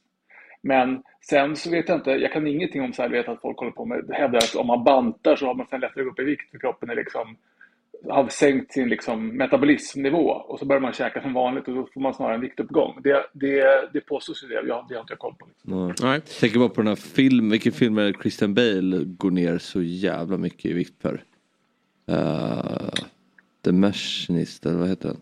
Någonting. Ja, du får han är ju så- vidare på alltså, det. Han är ju, han väger ju... Rippad. Ja, man är utmärglad. Nej, rippad. Alltså, han är ju Ja. han väger knappt, knappt 50 kilo liksom. Verkligen. Ja, jag vet, nu vet jag vilken du menar. Eh, ja. Du, eh, du ska få komma med en rekommendation då. Om man ska strejka för något, vilken metod är då den mest skonsamma för kroppen och hälsan? Och du måste ju komma ihåg då att det ska vara spektakulärt. Man måste ju få uppmärksamhet. Eh, är det här en Robin-fråga eller? Ja, lite så. Nu har han lämnat, men han skrev ner den ja. Ja, precis. Han är inte här och kan försvara sig nu. Men okej, så ni vill ha en spektakulär strejk som samtidigt är liksom ofarlig? Ja, ja, Ja. det får ju vara farligt, men, men kanske att man grejar den Ja, längre än förstår. Man 78 vill dagar. Inte- Ja, men förstår, hungerstrejk är dumt och så här, tända eld på sig själv och sådana här, det verkar ju dumt. Liksom. Ja, det är, man kan inte stå och brinna i 80 dagar. Nej, det är svårt. Alltså, Om man tar en väldigt, väldigt lång... Det kanske är det man ska ha en väldigt lång antändning, sån här TNT-kabel som Ja, sakta, precis. sakta närmar Ja, sig. ja. Om 200 dagar, då har jag brunnit upp. Jag, precis. Om inte jag får igenom mina krav så kommer jag om 200 dagar brinna upp. Ja. Så nu, får ni, nu har ni tid att tänka på det, ingen stress. Nej. Utan Den här protesten pågår. Nej, jag vet inte faktiskt vad det skulle vara för någonting. Alltså. Man, kan kanske, man kanske kan vägra eh, man kanske kan vägra alkohol. Och, så att Just det. två- Liksom, ja, nu, blir det, nu blir det vitt år om inte jag får som jag vill. Ja. Och på så sätt blir man kanske lite tråkig. Jag vet inte. Ja. Det där skulle ju faktiskt vara en protest som många borde ta sig an då. Ja, det kanske är så. Det Att inte dricka alkohol. Ja. Möjligen. Ja, nej, men vi får fundera vidare på, på Vilket den bolag frågan. väljer du att sätta dig utanför i protest? Eh, vilket bolag? Ja. Vilket systembolag? Ja, vilket systembolag, Eh, precis. Telia. ja, exakt. Ja, ja, precis. Alltså, vilket bolag? Men jag tänker så här, kanske Lockheed Martin. Jag sätter protestera mot deras vapentillverkning. Nej, jag vet inte vad jag ska sätta. Jag skulle ta... Eller kanske protestera mot ATG. Vet, vad vet jag? Nej, jag, skulle, jag, har inget, jag har inget direkt att prote- protestera mot på det sättet. Jag har istället en låggradig protest som pågår hela tiden. Där jag påpekar för er att eh, när ni har så olika frågor, varför blir det så här? Så säger jag alltid så här, det är kapitalismens fel grabbar, det är därför det är så här. Mm.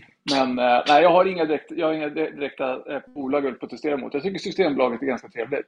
Ja. Eh, utbudet Min okej. fråga var egentligen om du skulle protestera mot alkohol, vilket systembolag skulle du sätta dig utanför Ja. för att få liksom eh, Okej, ja, men då ska extra jag ta mycket? något, något, något på Södermalm. Skulle jag ta. Något på, på Söder. Ja, det är mest uppmärksamhet tror jag.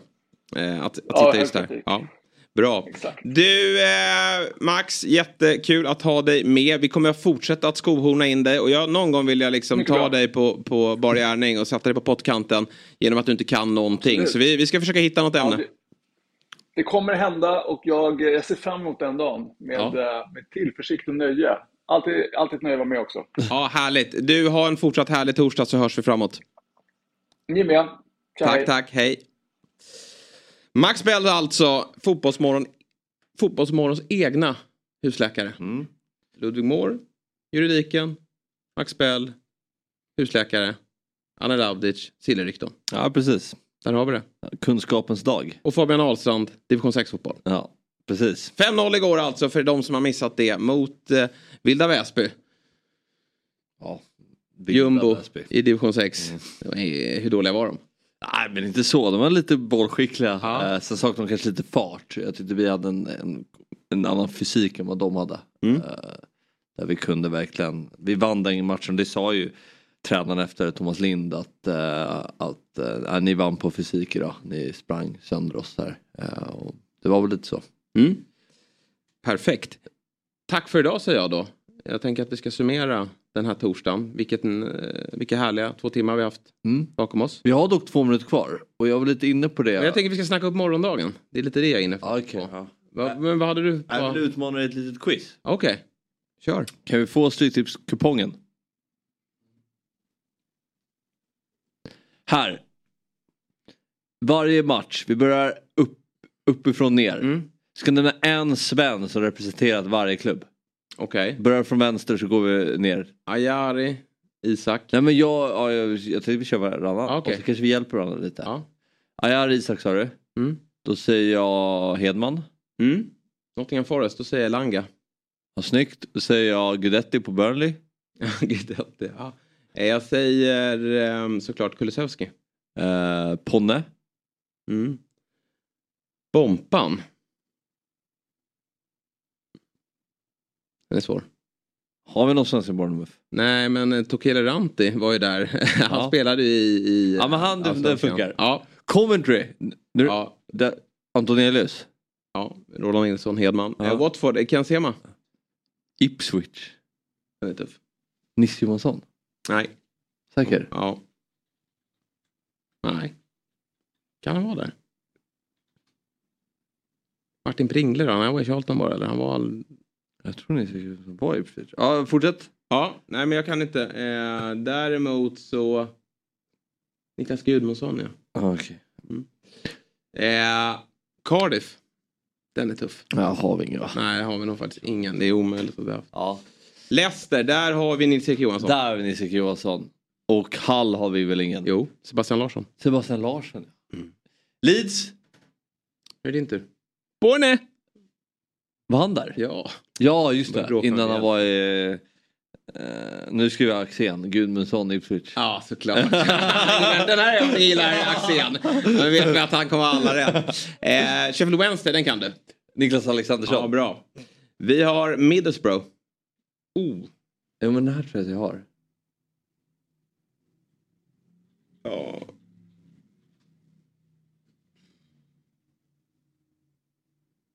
Här har vi en svensk. Har vi inte det? En svensk i Middlesbrough. Ja, Axén får mässa. Vi släpper den så länge. QPR. QPR. Nej, där har vi fan inga. Ja. Plymouth-bojan. Ja. Blackburn har vi ju också Gudmundsson va? Ja, Bjärred. Ja, sen har vi Anders Andersson. Dubbel Ja, just det. Mm. Anders Andersson, Anders Andersson. är inte det hans... Är det offside gör på honom? Att hans mellannamn är Anders Andersson? Ja, nu fick du något där från Axén. Andersson. Middlesbrough. Ja, Robert Steiner har spelat i QPR tydligen. Kan du någon i Rotherham? Ja, men målvakten, Victor Ja, Johansson. Victor Johansson. Norwich har vi Mattias Svensson. Ja, Och Mattias Jonsson. och Mattias Jonsson. Mm. Stoke då? Ja, jag kan. Ja, Guidetti. Guidetti. Da, na, na, na, na. Preston. Da, na. Preston, vad är det där?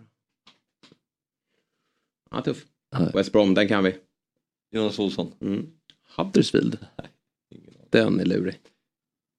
Huds. Nej, kan inte där. Eh, Men kul övning. Ja, verkligen rolig. Den kan vi köra varje vecka. Är samma lag. Samma lag. Nej, sorry. Kör den med någon annan kupong kanske. Eh, Europatipset. Ja, kul avslutning. Ja. Men då kan jag gå till en liten summering då. Trevliga två timmar med Hedman, Bell, Moore, Avdic. Vi ser fram emot dagen då. Där deadline day går i mål. Och imorgon så tar vi ner det med ett svenskt fokus. Vi ska nämligen ringa upp alla sportchefer från de allsvenska klubbarna för att summera och kanske få någonting som var nära eh, de sista timmarna.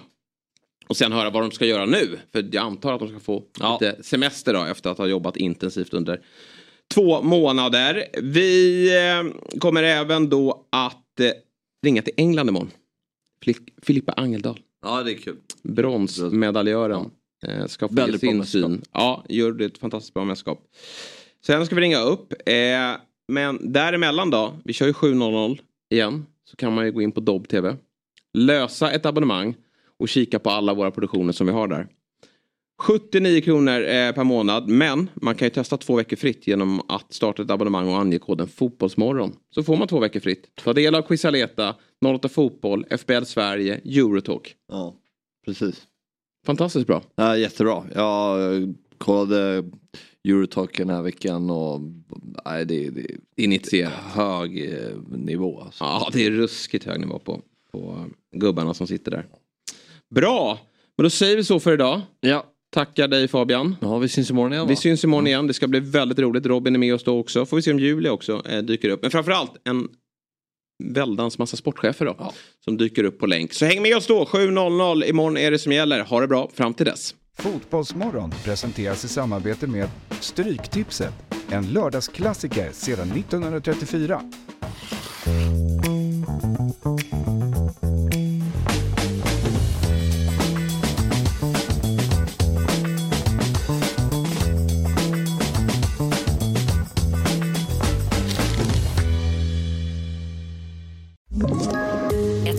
Poddtips från Podplay. I podden Något Kaiko garanterar östgötarna Brutti och jag, Davva, dig en stor dos skratt. Där följer jag pladask för köttätandet igen. Man är lite som en jävla vampyr. Man har fått lite blodsmak och då måste man ha mer.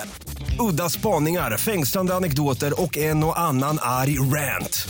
Jag måste ha mitt kaffe på morgonen för annars är jag ingen trevlig människa. Då är du ingen trevlig människa, punkt. Något Kaiko, hör du på Podplay. Därför arkadeinerna.